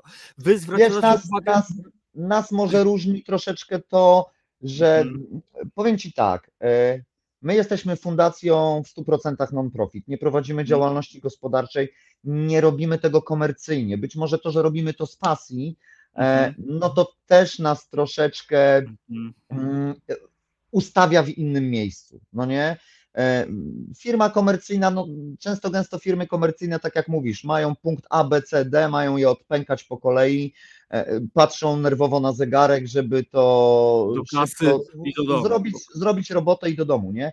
My nie mamy tej presji, my to robimy z Mhm. pasji, e, my, my się wręcz cieszymy, jeżeli po naszym szkoleniu, które zazwyczaj, my, my jak zapraszamy ludzi na szkolenie, mówimy, nie szykujcie się na godzinę, dwie. U nas przyszykujcie się na, szko- na szkolenie na 4-5 godzin. mhm. I cieszymy się, jak to szkolenie pięciogodzinne przedłuża się do 8-10. Bo ludzie zostają, zadają pytania. Eee, I czasami to szkolenie przeradza się w tak fantastyczną interakcję, że, że no możemy z nimi choćby do rana siedzieć, odpowiadać im na te pytania. My lubimy o tym opowiadać, potrafimy o tym opowiadać, wiemy o czym opowiadamy e, i opowiadamy o tym sposób zajmujący, tak, co jest Mhm. chyba istotne. To prawda i ja znowu wrócę do e, kolejnej istotnej e, rzeczy. Znowu poruszę temat dzieci, bo też otworzyliście mi oczy na pewne zachowania. Na przykład to, że nie zawsze, że to nie jest takie oczywiste, że jak naprzeciwko małego dziecka stanie ratownik medyczny w tym w stroju, w mundurze, nie wiem jak to powiedzieć, no to sam zwróciłeś mi uwagę. Zresztą ja sam widziałem niektóre dzieci po prostu się tego boją. Po prostu, a wy poprzez te spotkania już y, przełamujecie te bariery, e, e, wprowadzając, no nie wiem, jakiś taki element, czy nie wiem, czy to dobre słowo, zabawa, ale na pewno zaciekawienia też do tego wszystkiego. Myślę, że zabawa jest dobrym słowem, bo, bo umówmy się, że no, trzylatka zbyt wiele nie jesteś w stanie nauczyć, jasne. bynajmniej tych manualnych czynności przy, przy poszkodowanym. Jesteś ich nauczyć w stanie numeru telefonu, tak? Jedna buzia, No jeden tak, nosek, dwoje oczu. Wiem, że lubisz to powtarzam. E, także mm, mm, rzeczywiście uczymy przez zabawę, ale ten drugi aspekt y, tej nauki to jest tak naprawdę trochę robota pod naszym kątem, bo to, o czym wspomniałeś, dzieci, e, wiemy, że, że, że dzieci w większości boją się fartucha, boją się lekarza, stetoskopu, a nie daj Boże igły, a już nie daj Boże, jak mają wsiąść do karetki. E, I te spotkania z tymi młodymi ludźmi, z tymi 3-4-latkami, robią nam robotę na, na przyszłość. E, Jak my przyjdziemy do nich, e, w, że tak powiem, w ich otoczenie, jesteśmy na ich terytorium, tak? One są, dzieciaki są pewne, że nic im nie grozi, ci ratownicy są fajni, uśmiechnięci, bawią się z nimi, żartują, e, pokażą tego fantoma, który nasz fantom ma na imię Stefan. E, to też jest swojego rodzaju y, zabieg, żeby dzieci nie bawiły się z gumową lalką, tylko żeby traktowały tego naszego fantoma personalnie, tak? E, to potem się okazuje, że dziecko, które, no nie wiem, skaleczy się albo złamie rączkę e, i jest wezwana karetka, to dziecko, które nie miało do czynienia z tym ratownikiem nigdy wcześniej, e, ono już jest wystarczająco, brzydko mówiąc, obsrane całą sytuacją, e, zdenerwowane, nie potrafi się opanować. Często gęsto rodzice nie są w stanie tego dziecka uspokoić, a co dopiero obcy facet czy obca kobieta Tak. w błyszczącym stroju, w samochodzie, który przyjechał na łeło łeło, z niebieskimi światłami, tłum ludzi w koło, bo się dziecko przewróciło na rowerku i wszyscy ojejku, ojejku, co teraz będzie. Dla tego dziecka to jest niesamowity szok i my potem w karetce mamy z tym dzieckiem mega problem, e, żeby zrobić swoje czynności, tak? Bo to dziecko nie da się praktycznie dotknąć. Ale inaczej sytuacja wygląda, kiedy przyjeżdżamy i dzieciak mówi: Hej, fajnie, u nas byli ratownicy. E, Był pan ratownik albo była pani ratowniczka i przyjechali, pokazywali nam karetkę. Ja byłem w takiej karetce. Ten guziczek jest do tego, a tutaj to jest to, a to jest taka deska, na której się wynosi ludzi z budynku i tak dalej, i tak dalej. I to dziecko same sobie już odwraca uwagę od swojego problemu. Nam jest lżej, także to też takie trochę wredne z naszej strony, że tu niby szkolenia z pierwszej pomocy, ale załatwiamy sobie Mhm. troszeczkę lżej, nie? E, Ja wiem, wiem, no tutaj tak, e, niby żarty, ale to jest mega, mega ważne, zważywszy, że no nie wiem, kto z Państwa jeździł karetką jako pasażer. Ja niestety miałem tą, e, powiedzmy, no nie do końca przyjemność, no ale, ale jechałem i też dla mnie to była straszna trauma, bo się bałem po prostu już jako dorosły człowiek, a być może wcześniej też może inaczej bym trochę zareagował, ale to jest mega ważne. No wróćmy do motocykli, bo ja spoglądam na zegarek. Przemek, to my będziemy chyba musieli się częściej spotykać po prostu, bo, bo, bo, bo to też się cudownie wpisuje to, co robicie w budowanie postawy obywatelskiej. Ale ja chciałem wrócić, żeby uświadomić słuchaczom, jak to wygląda, bo być może ludzie myślą, a ratownictwo motocyklowe. Tutaj ten poszli do salonu, yy, poproszę tamten, tamten i tamten. Po prostu z salonu wsiadamy i jedziemy w akcję. No właśnie, a to tak wcale nie wygląda przecież. nie jest to. Chcielibyśmy, żeby to było takie łatwe. E, wygląda to tak. E, my motocykle budujemy na bazie motocykli, na bazie pojazdów cywilnych, tak? E, nie, nie możemy sobie pójść do salonu i kupić takiego motocykla z dwóch względów. Pierwszy taki no, trochę mniej istotny, po prostu polscy dystrybutorzy nie mają w swojej ofercie motocykli ratunkowych, Mhm. tak, póki co. Był projekt BMW, który gdzieś tam e, przepadł, upadł i tak dalej. W tej chwili oczywiście dealerzy są nam w stanie za dodatkową opłatą zrobić taki motocykl pod zamówienie, ble, ble, ble, ble, ble. Trwa to nieskończenie dużą ilość czasu i kosztuje, i to jest ten drugi problem, worek pieniędzy, tak. Z racji tego, że my jesteśmy, tak jak Ci wspomniałem, organizacją w 100% non-profit, nie prowadzimy działalności komercyjnej, Mhm. działalności gospodarczej, nie wystawiamy za nic faktury, bo nie świadczymy usług, Jasne. E, W związku z tym wspierają nas, no i to pytanie pewnie za chwilę by padło, wspierają nas tylko i wyłącznie dobre serducha i sponsorzy. E, Nie jesteśmy, nie jesteśmy wspierani przez żadną partię polityczną, żaden rząd, kościół, tudzież inne organizacje, a mimo to przez y, 6 lat naszego istnienia udało nam się wybudować y, 13 motocykli ratunkowych. Czy źle, że nie jesteśmy wspierani? Z jednej strony źle, bo, bo pewnie mogłoby być lepiej finansowo, No, z drugiej strony my, my sobie tak tutaj wewnętrznie trochę myślimy i śmieszkujemy, że chyba dobrze, bo e, politycy się zmieniają, my jesteśmy i nie jesteśmy od nikogo zależni, nie musimy się nikomu kłaniać, nikomu dziękować i uwaga, pfu, lizać butów, nie lubię tego mówić, ale taka prawda.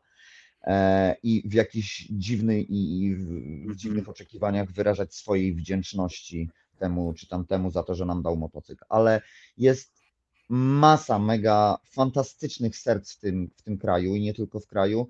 No, wystarczy się obejrzeć, no słuchajcie, no daleko nie szukać. Wielka Ork- Orkiestra Świątecznej Pomocy, co, co ludzie potrafią robić. To samo dzieje się u nas, no nie w takiej skali, Mhm. ale to samo dzieje się u nas. Gdyby, gdyby nie wy, nie, nie słuchacze Radia Koncao i użytkowniki, użytkownicy Facebooka, ludzie, którzy nam przybili piątkę na wszelkiego rodzaju eventach, gdzie można nas spotkać, gdyby nie wy i nie wasze dobre serca, nie mielibyśmy, nie bylibyśmy w tym miejscu, w jakim jesteśmy teraz, nie? Nie. I teraz wracam do tych motocykli, to tak pokrótce mówię. Uprzedziłem Twoje pytanie, które byś za chwilę za, za, zapewne zadał. E, Budujemy te motocykle na bazie motocykli cywilnych. E, Też nie kupujemy e, motocykli nowych z bardzo prostej przyczyny, bo za jeden nowy motocykl my jesteśmy kupić, w stanie kupić dwa używane. W bardzo dobrym stanie, które posłużą nam kolejne 5-6 lat. Tak? To nie jest tak, że mo- motocykl się zdecydowanie wolniej starzeje od samochodu. W związku z tym, my, jeżeli mamy wydać 80 tysięcy złotych na nowy motocykl, który, uwaga, jest tylko bazą do motocykla ratunkowego, to wol- wolimy wydać te 80 tysięcy złotych, kupić dwie bazy do motocykli ratunkowych.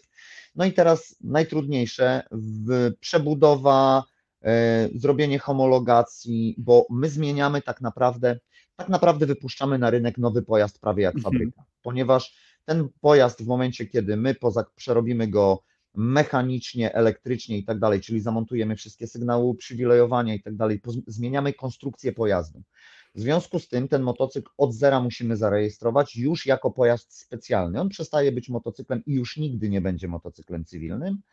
E, Zostaje zarejestrowany jako pojazd specjalny i całą papierologię musimy odbębnić. Y, Drogę legislacyjną, wszelkiego rodzaju kwitki, zezwolenia, zgłoszenia, bla, Mhm. bla, bla i tak dalej. I dla, jako ciekawostkę powiem, że uwaga, pierwszy nasz motocykl, nie wiedzieliśmy jak to się robi i nikt w tym kraju nie wiedział, łącznie z wydziałami komunikacji, stacjami Jezu. diagnostycznymi i nikt. Nikt nie wiedział, bo nie ma na to rozporządzeń, tak? Wszyscy urzędnicy w tym kraju trzymają się tabelek czy książeczek. Otwiera książeczkę, mm, motocykl ratunkowy, nie ma, nie zrobię, no nie? Nie da E, się. Nie da się. Jak się okazuje, da się. Trzeba było trafić, trzeba było wydeptać e, nie 10, 20, a, a, a 200, 300 ścieżek, aż w końcu znalazły się osoby, które, które tak jak my były na tyle zawzięte i uparte, na każdym z tych stołków, tak, od Mhm. diagnosty począwszy przez kierownika któregoś z Mhm. wydziałów komunikacji, powiedzieli, kurde, no jak to się nie da, no, no musi się dać, no przecież kurde, ten motocykl jest, on fizycznie istnieje, no to, no to jak, no, no nie traktujmy go jakby go nie było, nie? Mhm. No i nie jest to już zwykły motocykl. No i okazało się, że się da, ale anegdota polega na tym, że pierwszy nasz motocykl, zanim wjechał w 100% legalnie na drogi, na drogi, czyli posiadał komplet papierów, łącznie ze zgodą Ministerstwa Spraw Wewnętrznych i Administracji na używanie sygnałów uprzywilejowania, zajęło nam to 18 miesięcy. Od momentu kupna motocykla cywilnego. Uch, to można się zniechęcić. Półtora roku. W tej chwili temat ogarniamy w trzy tygodnie. Jest progres, bo wiemy jak. Wiemy, jak tą ścieżkę pokonać i w jakiej kolejności. Ale wiesz, niesamowite jest to, że wspomniałeś też jednak o tym łańcuchu ludzi dobrej woli, bo gdyby rzeczywiście wszyscy prawdopodobnie trzymali się sztywno tych cholernych przepisów, to rzeczywiście być może byśmy nawet dzisiaj nie gadali o tym po prostu. Czyli y, Tomek, y, powiem Ci tak, przez te 6 lat nieraz nam skrzydełka opadały, bo mm, trafiałeś na, na, na, na no ścianę rozumiem, rozumiem. bardzo Tym- często urzędniczego betonu po prostu. E, wszyscy ci zaczynali rzucać koło. Ty chciałeś. Słuchaj, robisz za darmo coś dobrego. A No tak. nagle i wydaje ci się, że wiesz, to tak fajnie że wyglądało, wszyscy nie? powinni w ogóle przyjąć Tak, i powiedzieć, o my- tak, przecież czekaliśmy my- na was, ludzie. My jak zakładaliśmy tą fundację, to przecież dla nas to było oczywiste. Kurde, będziemy robić to za darmo. tak. Będziemy te motocykle za darmo udostępniać stacjom pogotowia, które taki motocykl będą chciały mieć. One będą jeździły, nie, nie będziemy mieli za to płacone. Robimy to, fundacja utrzymuje motocykle, No ratownikami są wolontariusze tej fundacji w swoim wolnym czasie, czyli Mhm. też za darmo. Nikt na to nie musi wydawać pieniędzy, czyli wszędzie b- będą dla nas drzwi podootwierane, będą nas po rękach całować. Okazuje się, że nie. To jest niesamowite. E, Po, pozwól, że e, pozdrowimy Emilię, bo na czacie nam się pojawiła po prostu. O, Emilka, e, szkoda, ja mam nadzieję, że Państwo poznają Emilię z błyskiem wokół po prostu i z energią reaktora nuklearnego po prostu. To jest postać charyzmatyczna i na pewno je poznacie. To, to może trochę w innych okolicznościach, ale, ale to jest niesamowite. Przemek, ile kosztuje, brutalnie mówiąc, przerobienie, czyli stworzenie nowego pojazdu? Bo jeszcze warto dodać, że ten jednoślad de facto e, on no, poza noszami to chyba ma takie standardowe wyposażenie karetki. Tak, w zasadzie na motocyklu ratunkowym znajdziemy wszystko, co w standardowej karetce, z wyjątkiem, tak jak powiedziałeś, uwaga, niekoniecznie y, bez noszy, bo nosze również posiadamy. A, zaskoczy. ale to jest gdzie tak- one są? W rurze wydechowej? Jest taki fajny wynalazek, który się nazywa, nazywa nosze płachtowe i takie nosze posiadamy na motocyklu. W związku z tym, jeżeli będę miał kilka dodatkowych par rąk, jestem w stanie wye- wyewakuować pacjenta z- miejsca niebezpiecznego mm, i potem to ułatwia ten. Także nosze są w formie takiej e, kartki złożonej na Rozumiem, kilkanaście rozumiem. razy. Niesamowite. E, Także nie ma takich noszy, rzeczywiście nie ma przedziału y, medycznego takiego dedykowanego dla pacjenta, gdzie możemy tego pacjenta zapakować i odwieźć do szpitala, tak? Natomiast prawda jest taka, że w wielu przypadkach, nawet nie wiem, czy nie w większości przypadków, mm, w zdarzeniach, do których my jeździmy, a tutaj o tym nie powiedzieliśmy, a myślę, że warto, e, znowu musimy się cofnąć do naszego początku Tak, rozmowy do spokojnie. ustawy, tak? Gdzie, gdzie ustawa, tak jak powiedziałem, mówi o czymś takim, czym jest zespół ratownictwa medycznego, tak? I zespół ratownictwa składa się z dwóch lub więcej osób. E, Moto, ratownik na motoambulansie jest sam. W związku z tym nam na przykład zgodnie z ustawą nie wolno wejść do, y, na wizytę domową tak zwaną, czyli do pacjenta do mieszkania. I dlatego motocykle ratunkowe są dysponowane do wszelkiego rodzaju zdarzeń na ulicy bądź obiektów, mm, tak można powiedzieć, dostępnych z ulicy, czyli na przykład na hale produkcyjne wszelkiego Mhm. rodzaju, hale magazynowe, hale produkcyjne, tam gdzie nie muszę wchodzić do czyjegoś lokalu własnościowego, mieszkalnego. No chyba, że mamy do czynienia z zatrzymaniem krążenia, no tam już się nikt nie ogląda na procedury, to jest stan bezpośredniego zagrożenia życia. E, Jeżeli, jeżeli tylko mogę być o kilka minut szybciej, to jestem tam, nie? W związku z tym my jesteśmy dysponowani do tych zdarzeń głównie drogowych, głównie, głównie do tego, co na chodniku ulicy i, i w parkach i w, w różnych miejscach. Od mm, powiedzmy naszego sąsiada zbierającego puszki, który za dużo dzisiaj wypił e, i przysnął na przystanku i ktoś to zauważył i wezwał pogotowie, bo się zmartwił o pana i słusznie zresztą, bo nigdy nie możemy tego lekceważyć. To może przy kolejnym Oczywiście. dlaczego często mylimy osoby z, z różnego rodzaju y, chorobami Mhm. z osobami pijanymi i często gęsto to się kończy źle, bo uważamy, że ta osoba jest pijana, wcale nie jest. E, Ale tak, od takiej osoby drzemiącej na przystanku po rozpierduchę na autostradzie, tak powiedzmy, czyli cały przekrój wszystkich zdarzeń uli- ulicznych. Mm, I y, do czego zmierzam? Nie zawsze, a nawet mm, powiedziałbym często, nie jest wymagany transport pacjenta do szpitala, bo mm, bardzo często zdarza się tak, że nie wiem, policja dla świętego spokoju wzywa zespół ratownictwa medycznego, bo ktoś tam się skarży, że gorączka trochę boli. E, No i żeby policja potem, w sumie no, rzecz naturalna też bym tak robił, e, żeby, żeby dopełnić swoich obowiązków, wzywają karetkę. E, Okazuje się, że po zbadaniu takiego pacjenta mamy do czynienia z jakimś, nie wiem, stłuczeniem, uciskiem, nie wiem, czasami od pasów bezpieczeństwa, gdzieś tam coś. W Mhm. związku z tym nie ma, nie ma konieczności transportowania go, go do szpitala, tak? Także, mm, także nie zawsze. Jeżeli potrzebujemy, oczywiście te siły i środki są dodysponowane, zawsze możemy sobie zadzwonić Mhm. na dyspozytornię bądź przez radio wezwać dyspozytornię, wezwać sobie karetkę, Mhm. która już tego pacjenta zabierze. Nie? No dobra, Przemek, ale to opowiedz, y, żeby uświadomić mniej więcej rząd wielkości i też y, ogrom pracy, którą y, zrobicie. Y, Ile około, no bo już masz wiedzę, trzeba mieć pieniędzy, żeby przystosować, żeby zrobić właśnie ten ambulans, który już może wyjechać i, i, i ratować życie. Dobra, to tak generalnie w skrócie, w skrócie w cyfrach, nie? Jeżeli No, mamy, jeżeli, tak. jeżeli mamy już na podwórku bazę tego motocykla, czyli ten pojazd y, y, cywilny E, cywilny motocykl, który chcemy zaadoptować na potrzeby motoambulansu. To przystosowanie go do stanu takiego, jak już wyjeżdża potem na ulicę, czyli wszelkiego rodzaju przeróbki, przemalowanie, oklejenie, wyposażenie w sygnały przywilejowania w sprzęt medyczny, to są pieniądze rzędu 40 tysięcy złotych mniej więcej. Tak? Eee, czyli do każdego motocykla musimy dołożyć 40 tysięcy mniej więcej, między 35 a 40 w zależności od motocykla, tak? Mm, jeżeli chodzi o roczne utrzymanie motoambulansu w służbie, kosztuje to fundację w ubiegłym roku, e, robiliśmy podsumowanie ubiegłego roku, e, to średnie utrzymanie motoambulansów w fundacji, czyli koszty paliwa, serwisów, mówimy tylko o paliwie, serwisach, ubezpieczeniach, częściach zamiennych i tak dalej, to są pieniądze rzędu 36 tysięcy złotych rocznie, jednej sztuki. Wow, no to są po prostu oszałamiające koszta, kiedy, kiedy no w tym roku, w kiedy tym roku będzie więcej, bo paliwo podrożało. A, no tak, no to jest e, kolejna historia.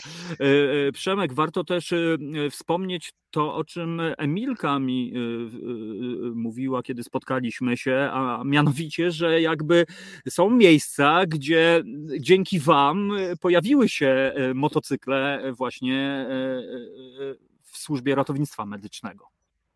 Tak, e, tak trochę czujemy się i, jesteśmy dumni z tego, że jesteśmy, że nasza fundacja jest taką e, troszeczkę matką chrzestną motocykli ratunkowych w Polsce. Mm, Bo tak jak Ci powiedziałem na początku, w pierwszej dekadzie e, lat 2000 e, pojawia, pojawiło się kilka motocykli zakupionych przez władze województwa, między innymi w Trójmieście. Mhm. E, takie motocykle, motocykle się pojawiły, mm, e, taki motocykl e, pojawił się w Olsztynie, e, mm, taki, takie motocykle pojawiły się w Bydgoszczy w, w drugiej dekadzie mm, e, lat 2000, e, ale w dalszym ciągu to były jakieś tam jaskółeczki. No, e, my wyszliśmy z założenia, że robimy tą fundację po to i budujemy te motoambulanse po to, że tam, gdzie nie będą władze województwa, powiedzmy, przychylne i skłonne do zakupu tego motoambulansu i utrzymania go później, bo szczerze mówiąc, to ten zakup motoambulansu jest najmniejszym problemem, bo No dla, dla wszelkiego rodzaju tematów budżetowych, planowania budżetów na dany rok czy na lata w przód, Mhm. zakup motocykla to jest jednorazowy wydatek i umówmy się, jak Tak. na budżety niewielki, 100 tysięcy czy 120 tysięcy złotych wyrzucić na pojazd ratunkowy, to jest nic, karetka kosztuje 600-700 tysięcy, nie? W Mhm. związku z tym za jedną karetkę można kupić pięć motoambulansów. No spoko niby, nie? Ale problemy są później, tak? Ten motocykl trzeba utrzymać, trzeba zapłacić pensję ratownikowi, który, ratownikom, którzy będą na tym moto- motoambulansie jeździć, serwisować, kupić ciuchy, bla, bla, bla i tak dalej. My wyszliśmy z założenia, że do nas może się zwrócić każda jedna stacja pogotowia, która chciałaby taki motoambulans mieć u, siebie i z niego korzystać, nie ponosząc z tego tytułu żadnych kosztów. E, Pierwsi do współpracy chętni byli, e, była ówczesna dyrekcja, bo teraz już się dyrekcja zmieniła, mm, pogotowia ratunkowego w Łodzi, mm, gdzie pierwszy nasz motoambulans zaczął dyżury na węźle autostradowym w Strykowie, na węźle autostrady A1, A2. Tam przez trzy lata systematycznie e, ja akurat osobiście jeździłem na tych dyżurach, dojeżdżałem z Warszawy do Łodzi na te dyżury dwa, trzy razy w tygodniu. E, W sezonie motocyklowym pełniłem te dyżury na stacji pogotowia łeb w łeb z karetką, z, z kolegami z, z, łódzkiej, y, z łódzkiego pogotowia ratunkowego. Mm, I po trzech latach okazało się, że władze województwa e, i późniejsza dyrekcja pogotowia już po zmianach dostrzegła zalety i wartość motoambulansu, ekonomię i, i, i, i to, że on rzeczywiście się sprawdza. Skuteczność. Tak, i dwa lata temu, trzy lata temu zakupili własne dwa motocykle ratunkowe. E, super. E, później e, kolejnym naszym takim dzieckiem e, jest, był projekt, y, oddolna inicjatywa e, jednego z naszych już teraz kolegów, wtedy tej osoby nie znaliśmy, ale ta osoba zwróciła się do nas, czy możemy pomóc. Jest taki fanpage Motoambulans na ulicach Torunia. Mm, e, Jak to zrobić? Mm, Podpowiedzieliśmy, pomogliśmy. E, Chłopak stworzył projekt obywatelski. My mocno ten projekt obywatels- obywa- obywatelski wspieraliśmy, pchaliśmy do przodu. Poskutkowało. W projekcie obywatelskim na, do Torunia został kupiony motoambulans. Było jeszcze, mamy jeszcze kilka takich przykładów. Mhm. Ostatnim z nich są Katowice, które mm, kilka dni temu pochwaliły się na stacja pogotowia w Katowicach. e, Z dumą pochwaliła się na swoim fa- fanpage- fanpage'u. Gratulujemy chłopakom e, inicjatywy. Również w projekcie obywatelskim został zakupiony do Katowic motoambulans, gdzie znowu dwa lata, przez dwa lata wcześniejsze Mhm. jeździł Marcin e, Klos, nasz kolega z Sosnowca, jeździł na motoambulansie najpierw w Sosnowcu, później w samych Katowicach. Okazało się, że ten motocykl robi robotę i tak dalej. Ludzie przede wszystkim, no bo w projektach obywatelskich tak naprawdę głosują kowalscy. Nie, nie, nie dyrektorzy, nie ten, tylko szarzy obywatele. E, Czyli gdzieś ten motocykl musiał zostać dostrzeżony, zrobił robotę. Poza tym pewnie, tak jak mówię, statystyki e, i to, że, że jest to narzędzie tak naprawdę e, dla ludzi, którzy pasjonują się ratownictwem i wiedzą o co w ratownictwie chodzi. Jest to wręcz niezbędne, niezbędny element łańcucha ratunkowego, który wy, Mhm. ma wypełnić tą lukę między zdarzeniem a dojazdem tych właściwych już takich pełnogabarytowych służb. O, w ten Mhm. sposób. E, e, e, Przemek, bo powolutku niestety czas się tam gdzieś tam nam kurczy. Na sam koniec powiedz, kto zostaje waszym kierowcą?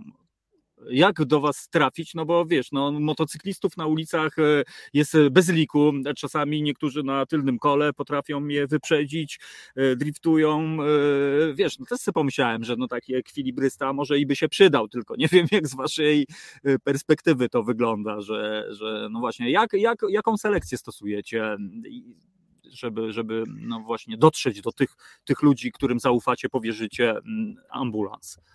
Wiesz co, mam e, jazda na jednym kole, umiejętność jazdy na jednym kole, o której wspomniałeś, e, nasuwa mi też taką ciekawą historię, anegdotę mm, i dlatego Ci od razu powiem, dlaczego nie jest to e, dla nas żadną wykładnią. E, Mam kolegę policjanta, zresztą nie tylko ja, to jest mm, przyjaciel naszej fundacji, chłopak, świetny motocyklista, nomen omen. Miało miejsce zdarzenie tego typu, że gdzieś tam stali motocyklami, patrolowali ulicę, stali je Mhm, jakieś tutaj, no i koło nich przejeżdżał gdzieś tam chłopaczek jednośladem, motocyklem. E, Nie wiem, czy ich nie zauważył, czy chciał przyszpanować trochę przed panami e, policjantami, jaki to on ten. Mm, Na ich wysokości mniej więcej postawił motocykl na tylne koło i poszedł jak dzida, nie? Mój kolega e, wsiadł na motocykl, policjant ruchu drogowego, wsiadł na motocykl, Aha. policyjny motocykl, Aha. dogonił chłopaka na jezdni, jadąc z dosyć dużym, dużą prędkością, e, zrównał się z nim i jadąc z tą dużą prędkością postawił swój motocykl policyjny na tylne koło, wyprzedził go na tym tylnym kole, po czym zajechał mu drogę, zatrzymał go do kontroli i powiedział tak, mówi "Słu- słuchaj chłopaku, jak nauczysz się tak, to następnym razem skończy się upomnieniem, teraz dostajesz mandat. Ale ekstra, bo powiem, że to jest wiesz, z jednej strony fajne, fascynujące, ale czasami rzeczywiście, jak się tego nie umie, to jest groźne. Ale fajne, fajne to jest. No E, ale tak, dobra. Wracając do tematu. ym, Bycie ratownikiem na motocyklu e, jest bardzo wymagające. Przede wszystkim trzeba być bardzo dobrym motocyklistą, ponieważ to jazda na sygnałach uprzywilejowania jest jazdą, no nie przesadzę, jeżeli powiem, że jest jazdą na krawędzi. Jeździmy z bardzo dużymi przyspieszeniami, z bardzo dużymi prędkościami, e, w ruchu drogowym, w pełnym ruchu drogowym, często gęsto naginając przepisy, e, przejeżdżając skrzyżowania na czerwonym świetle, przepychając się między samochodami. E, Cały czas z tyłu głowy mamy to, że nie każdy nas może zauważyć, widzi, słyszy i tak dalej, i wszystko się może na tej drodze zdarzyć. Także jazda w ciągłym stresie, jazda bardzo wymagająca i wymagająca bardzo dużego doświadczenia i obeznania z maszyną, na której się konkretnie jeździ. Czyli świetny motocyklista, mm, a z drugiej strony bardzo dobry ratownik i doświadczony. Znowu wracamy do tego, jak jest na co dzień. Ratowników w e, karetce czterokołowej jest minimum dwóch, często gęsto trzech. E, Tu ratownik na motocyklu ratunkowym jest sam. To musi być bardzo dobry ratownik, który ma pełną odpowiedzialność i świadomość za to, co robi. I ma być pewny przede wszystkim siebie i swoich czynów, tak? On nie ma osoby drugiej, która jest go w, w stanie skontrolować, skorygować, poprawić, zweryfikować jego działania. On ma być absolutnie pewny, że to, co robi w danym momencie, jest w 100% dobre i przede wszystkim nie zaszkodzi temu poszkodowanemu, tak? Także takich ludzi nie jest dużo. Mhm. Taki head and shoulders, y, świetny motocyklista i świetny ratownik, takich ludzi nie ma dużo w Polsce. Natomiast mimo to my do tej pory y, przez 6 lat istnienia naszej fundacji nigdy nie robiliśmy naboru do fundacji, castingu, e, rozmów kwalifikacyjnych, sorry, rozmowy kwalifikacyjne w cudzysłowie są. Mhm. Mniej więcej tak rozmowa kwalifikacyjna wygląda tak, jak byłeś u nas dwa dni temu. Miła atmosfera, kawa, herbatka. Siema, co robisz, czym się zajmujesz? Chcesz być u nas? Super, witamy. Drzwi otwarte, dla każdego znajdzie się coś do roboty. Mhm. I wszyscy ludzie, którzy są w tej fundacji, są z własnej nieprzymuszonej woli na zasadzie takiej, że zapytali: Hej, chcę być u Was, co mam zrobić, żeby do Was dołączyć? E, W związku z tym my tych ludzi przyjmujemy z otwartymi rękami, dajemy im przestrzeń i czas na to, żeby posmakowali tej fundacji, żeby zobaczyli, czy to jest ich bajka, tak? Em, że Nikt nikogo tutaj na siłę nie trzyma i nikt nikogo na siłę tutaj nie No tak. W związku z tym ludzie, którzy są, a mamy w całym kraju ponad 50 wolontariuszy, są ludzie, to są to ludzie mega zaangażowani, ponieważ przyszli tutaj sami z własnej nie- nieprzymuszonej woli. E, I my tak naprawdę wolimy mieć taki dream team składający się z małej ilości osób, wolimy mieć 50 zamiast 500, tak? Mhm. E, bo to są ludzie, którzy e, są sami z siebie, są kreatywni, są chętni do pracy, są zaangażowani w tą fundację i w to, co fundacja robi. E, I tak naprawdę dzięki tym ludziom, dzięki naszym wolontariuszom ta fundacja istnieje. My z Emilką jesteśmy tylko ryjami tej fundacji, gdzie można nas zobaczyć, można z nami porozmawiać, ale z innymi naszymi wolontariuszami również. Ale prawda jest taka, że gdyby nie cała reszta tych ludzi, którzy, którzy y, pracują na dobre imię i wizerunek tej fundacji, tej fundacji by nie było. E, I tutaj ogromna wdzięczność dla wszystkich, którzy e, są z nami. No ja wiesz, ale ja tutaj tak y, trochę ja wiem, że Wiem- ten, Wiem, ale że tej fundacji. naszym wolontariuszem, możesz zostać honorowym członkiem. O, to, to jak a, najbardziej. nawet, No, a nawet mogę- członkiem wysuniętym na czoło. No, jakby. No dobra, to ja mogę pucować motocykle, bo to nie jest jednak moja melodia. Ja tylko podziwiam, nie umiem, nie, naprawdę próbowałem. Natomiast no, jestem pod ogromnym wrażeniem to, co, ro, no, no, co robicie i też muszę powiedzieć, że wiesz, ty powiedziałeś, że gdyby nie ci ludzie, to nie fundacja. No ale przede wszystkim ta fundacja powstała, wiesz, dzięki wam, dzięki twojej charyzmie, dzięki niesamowitej charyzmie Emilki. Mam nadzieję, że następnym razem państwo, nasi słuchacze będą mogli poznać wulkan energii. Zresztą Przemek, ty też jesteś e, wulkanem. To są w ogóle dwa wulkany, proszę państwa, które pokazują, że jednak se wybuchną tam, gdzie będą chcieli e, i, i, i żaden system tutaj tego e, nie ogarnia. Także, no cóż, ja mogę jedynie apelować i prosić e, naszych słuchaczy, żebyście tak jak e, Fundację Muzycznych Czarodziejów, żeby promować, mówić, udostępniać to, czym się zajmujecie, bo to jest wyjątkowa rzecz. Ja widziałem, jak ludzie reagują, jak dzieci reagują, jak dorośli reagują. e, I, i, I zresztą też z tyłu głowy mam w ogóle w pamięci taką rzecz, ty powiedziałeś, że a, a zima się skończyła, trzeba po, e, na motocyklu trochę tam na torze pojeździć w ogóle. Wiesz, no a ja znam takich wyjadaczy, co od razu tam zima się kończy, jeszcze mróz i już właśnie e, suną po prostu, a ty mi uświadomiłeś, że nie, nie, rutynka to nie jest dobra droga. Po prostu. Rutyna, rutyna bardzo często gubi. yy, tak naprawdę gubi wszędzie i każdego.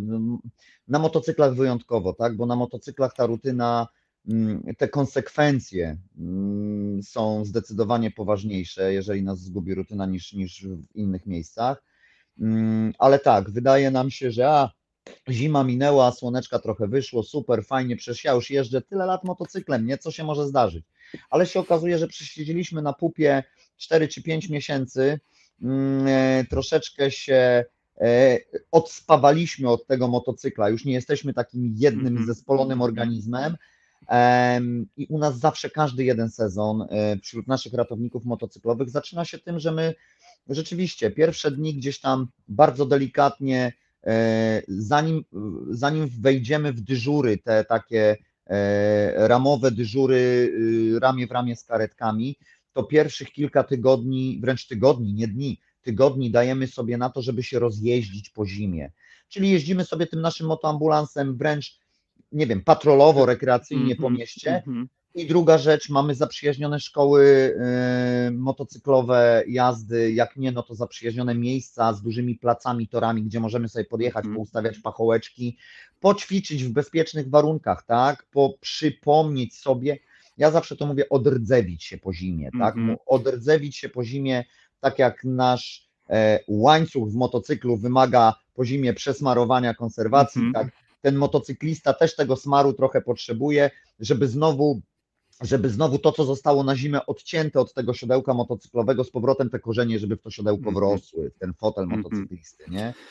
I mówi to człowiek, który całe życie, proszę Państwa, jeździ na motocyklach. Tak więc e, cały czas pokora jednak e, jest i, i- i ten rozsądek. Widzisz, Przemek, ty to kiedyś ministrem będziesz. Ja to mam takie przeczucie. O nie, oby nie, oby nie, Tomku. Czemu? Nie. Lubimy się, dlaczego mi źle życzysz? A no dobra, to, to, to, to maxi strem będziesz po prostu. Maxi Mini to, strem. to będzie Mini maxi to w ogóle nie biorę, nie biorę. Nie, no to nędza jest po prostu. Ale drodzy Państwo, tak więc e, bardzo dziękuję Wam za uwagę i przede wszystkim e, naszym gościom e, w pierwszej części Bartkowi i, i Przemkowi. I, I też prośba do Was, jak zobaczycie gdzieś kiedyś na ulicach e, motocykl w takich jaskrawych, żółtych, nowoczesnych barwach, bo też zwróciłeś uwagę, że Wasze e, maszyny są już takie europejskie, takie światowe.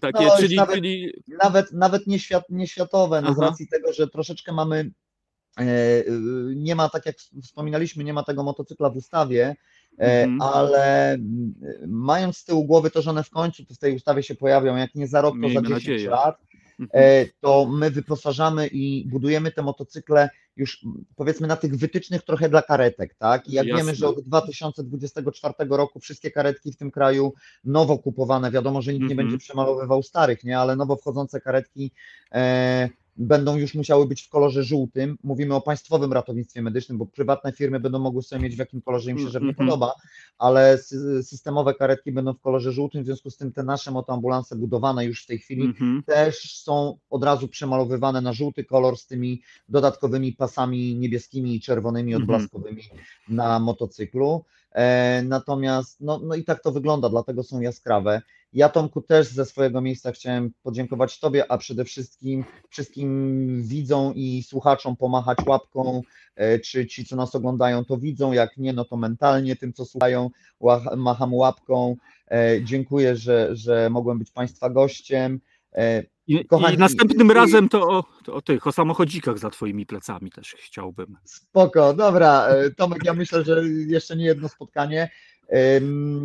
Kochani, tak reasumując, do nas naprawdę znajdziecie nas na Facebooku, wpisując Fundacja Ratownictwo Motocyklowe Polska, logo o takie jak Tomek ma na kubeczku, widać takie ładne logo charakterystyczne, krzyż medyczny z wpisanym motocyklem ratunkowym, także nie sposób nas przegapić. Odwiedźcie nas, Fundacja Ratownictwo Motocyklowe Polska, zobaczcie co robimy, E, Na Facebooku czy na stronie internetowej znajdziecie numer telefonu do naszej prezes.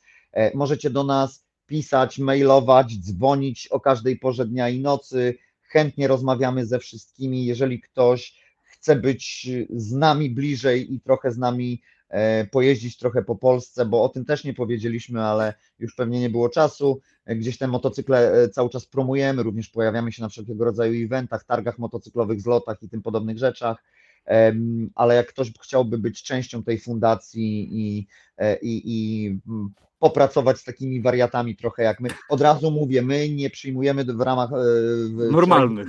normalnych, nie. O. Trzeba być zakręconym, pozytywnie zakręconym, dobrze.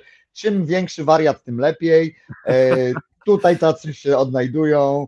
E, Stąd i- być i może, wiesz. Nas poznał, no my normalni nie jesteśmy. no właśnie, my, my jesteśmy normalnie, nienormalni albo nienormalnie normalni, tak? Więc tutaj Tak, niech ale każdy sobie to, jest, wybierze coś. za to u nas jest śmiesznie, ciekawie, wesoło.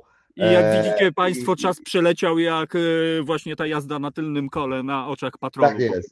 Tak jest. E, Przemek Malec, e, Fundacja Ratownictwo Motocyklowe Polska, jak widzicie, a ja tylko zdradzę, Przemek ma taką nawijkę, bo to też człowiek mediów jest, proszę Państwa, i stąd to sprzedał, No, sprzedał. sprzedał. No niestety, takie już jest życie.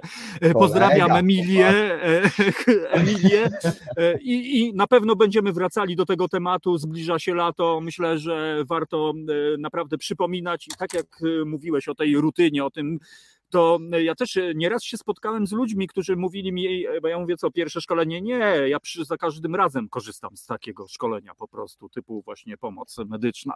To, ale to wrócimy do tego, obiecuję, bo po to, to jest po prostu ważne. Przemek, wszystkiego dobrego. Fundacja Ratownictwo Motocyklowe Polska. Naprawdę polecam, rekomenduję. Wspierajcie, udostępniajcie, drodzy Państwo, i pomagajcie. Ludzie, którzy wzięli sprawy w swoje ręce i po prostu i robią swoje, nie patrząc na to tam, na te kłody. Trzymaj się, Przemek. Do zobaczenia. Buziaki, trzymajcie się wszyscy. Hej, dzięki jeszcze raz. Drodzy Państwo, Reset Obywatelski, dobra pora, a w niej Radio Koncao, no i tacy właśnie niesamowicie goście, którzy w okamgnieniu zmieniają ten świat, czasami naprawdę no, ratują życie, to jest nie, niebywałe. Wielki szacunek za tę pracę. E, No i sami widzicie, można, proszę Państwa, można. I ja mam nadzieję, że, że takich inicjatyw, takich ludzi, takich postaw będzie całe, całe mnóstwo, bo na tym właśnie w moim e, rozumieniu e, polega postawa obywatelska. Tak więc e, respekt, droga Emilko, e, respekt e, Przemo i do zobaczenia as soon as possible. A Państwu bardzo serdecznie i gorąco dziękuję za, za to, że byliście i, i też no, mam nadzieję, że to, co tutaj się dzisiaj wydarzyło, jakoś tam trochę się tam po, po, po, poleci gdzieś tam w ten świat. Promujcie, mówcie, drodzy Państwo, wspierajcie, bo, bo, no, bo tak trzeba po prostu. Bardzo serdecznie dziękuję. Wszystkiego dobrego. Dzisiaj e, prywata, oczywiście o 21 zapraszam do Radio Koncao na piwnicznik artystyczny, a jutro w radiowym obiadku o godzinie 15 obiecuję wrócić do e, dzisiejszej rozmowy e, do ratownictwa motocyklowego i pokażę Państwu parę zdjęć, jak ten, ma, jak ten motocykl wygląda. Kurczę, żałuję, że na nim nie siedziałem, ale jeszcze wszystko przede mną. Wszystkiego dobrego raz jeszcze. To jest Reset Obywatelski, który oczywiście hula dalej. E, Za chwilę kolejna audycja, Tomek Piątek. A ja raz jeszcze życzę Wam wszystkiego dobrego i raz jeszcze dziękuję za to, że byliście. Poproszę o łapingi, procedury i takie tam. E, Do widzenia Państwu. Do usłyszenia za tydzień.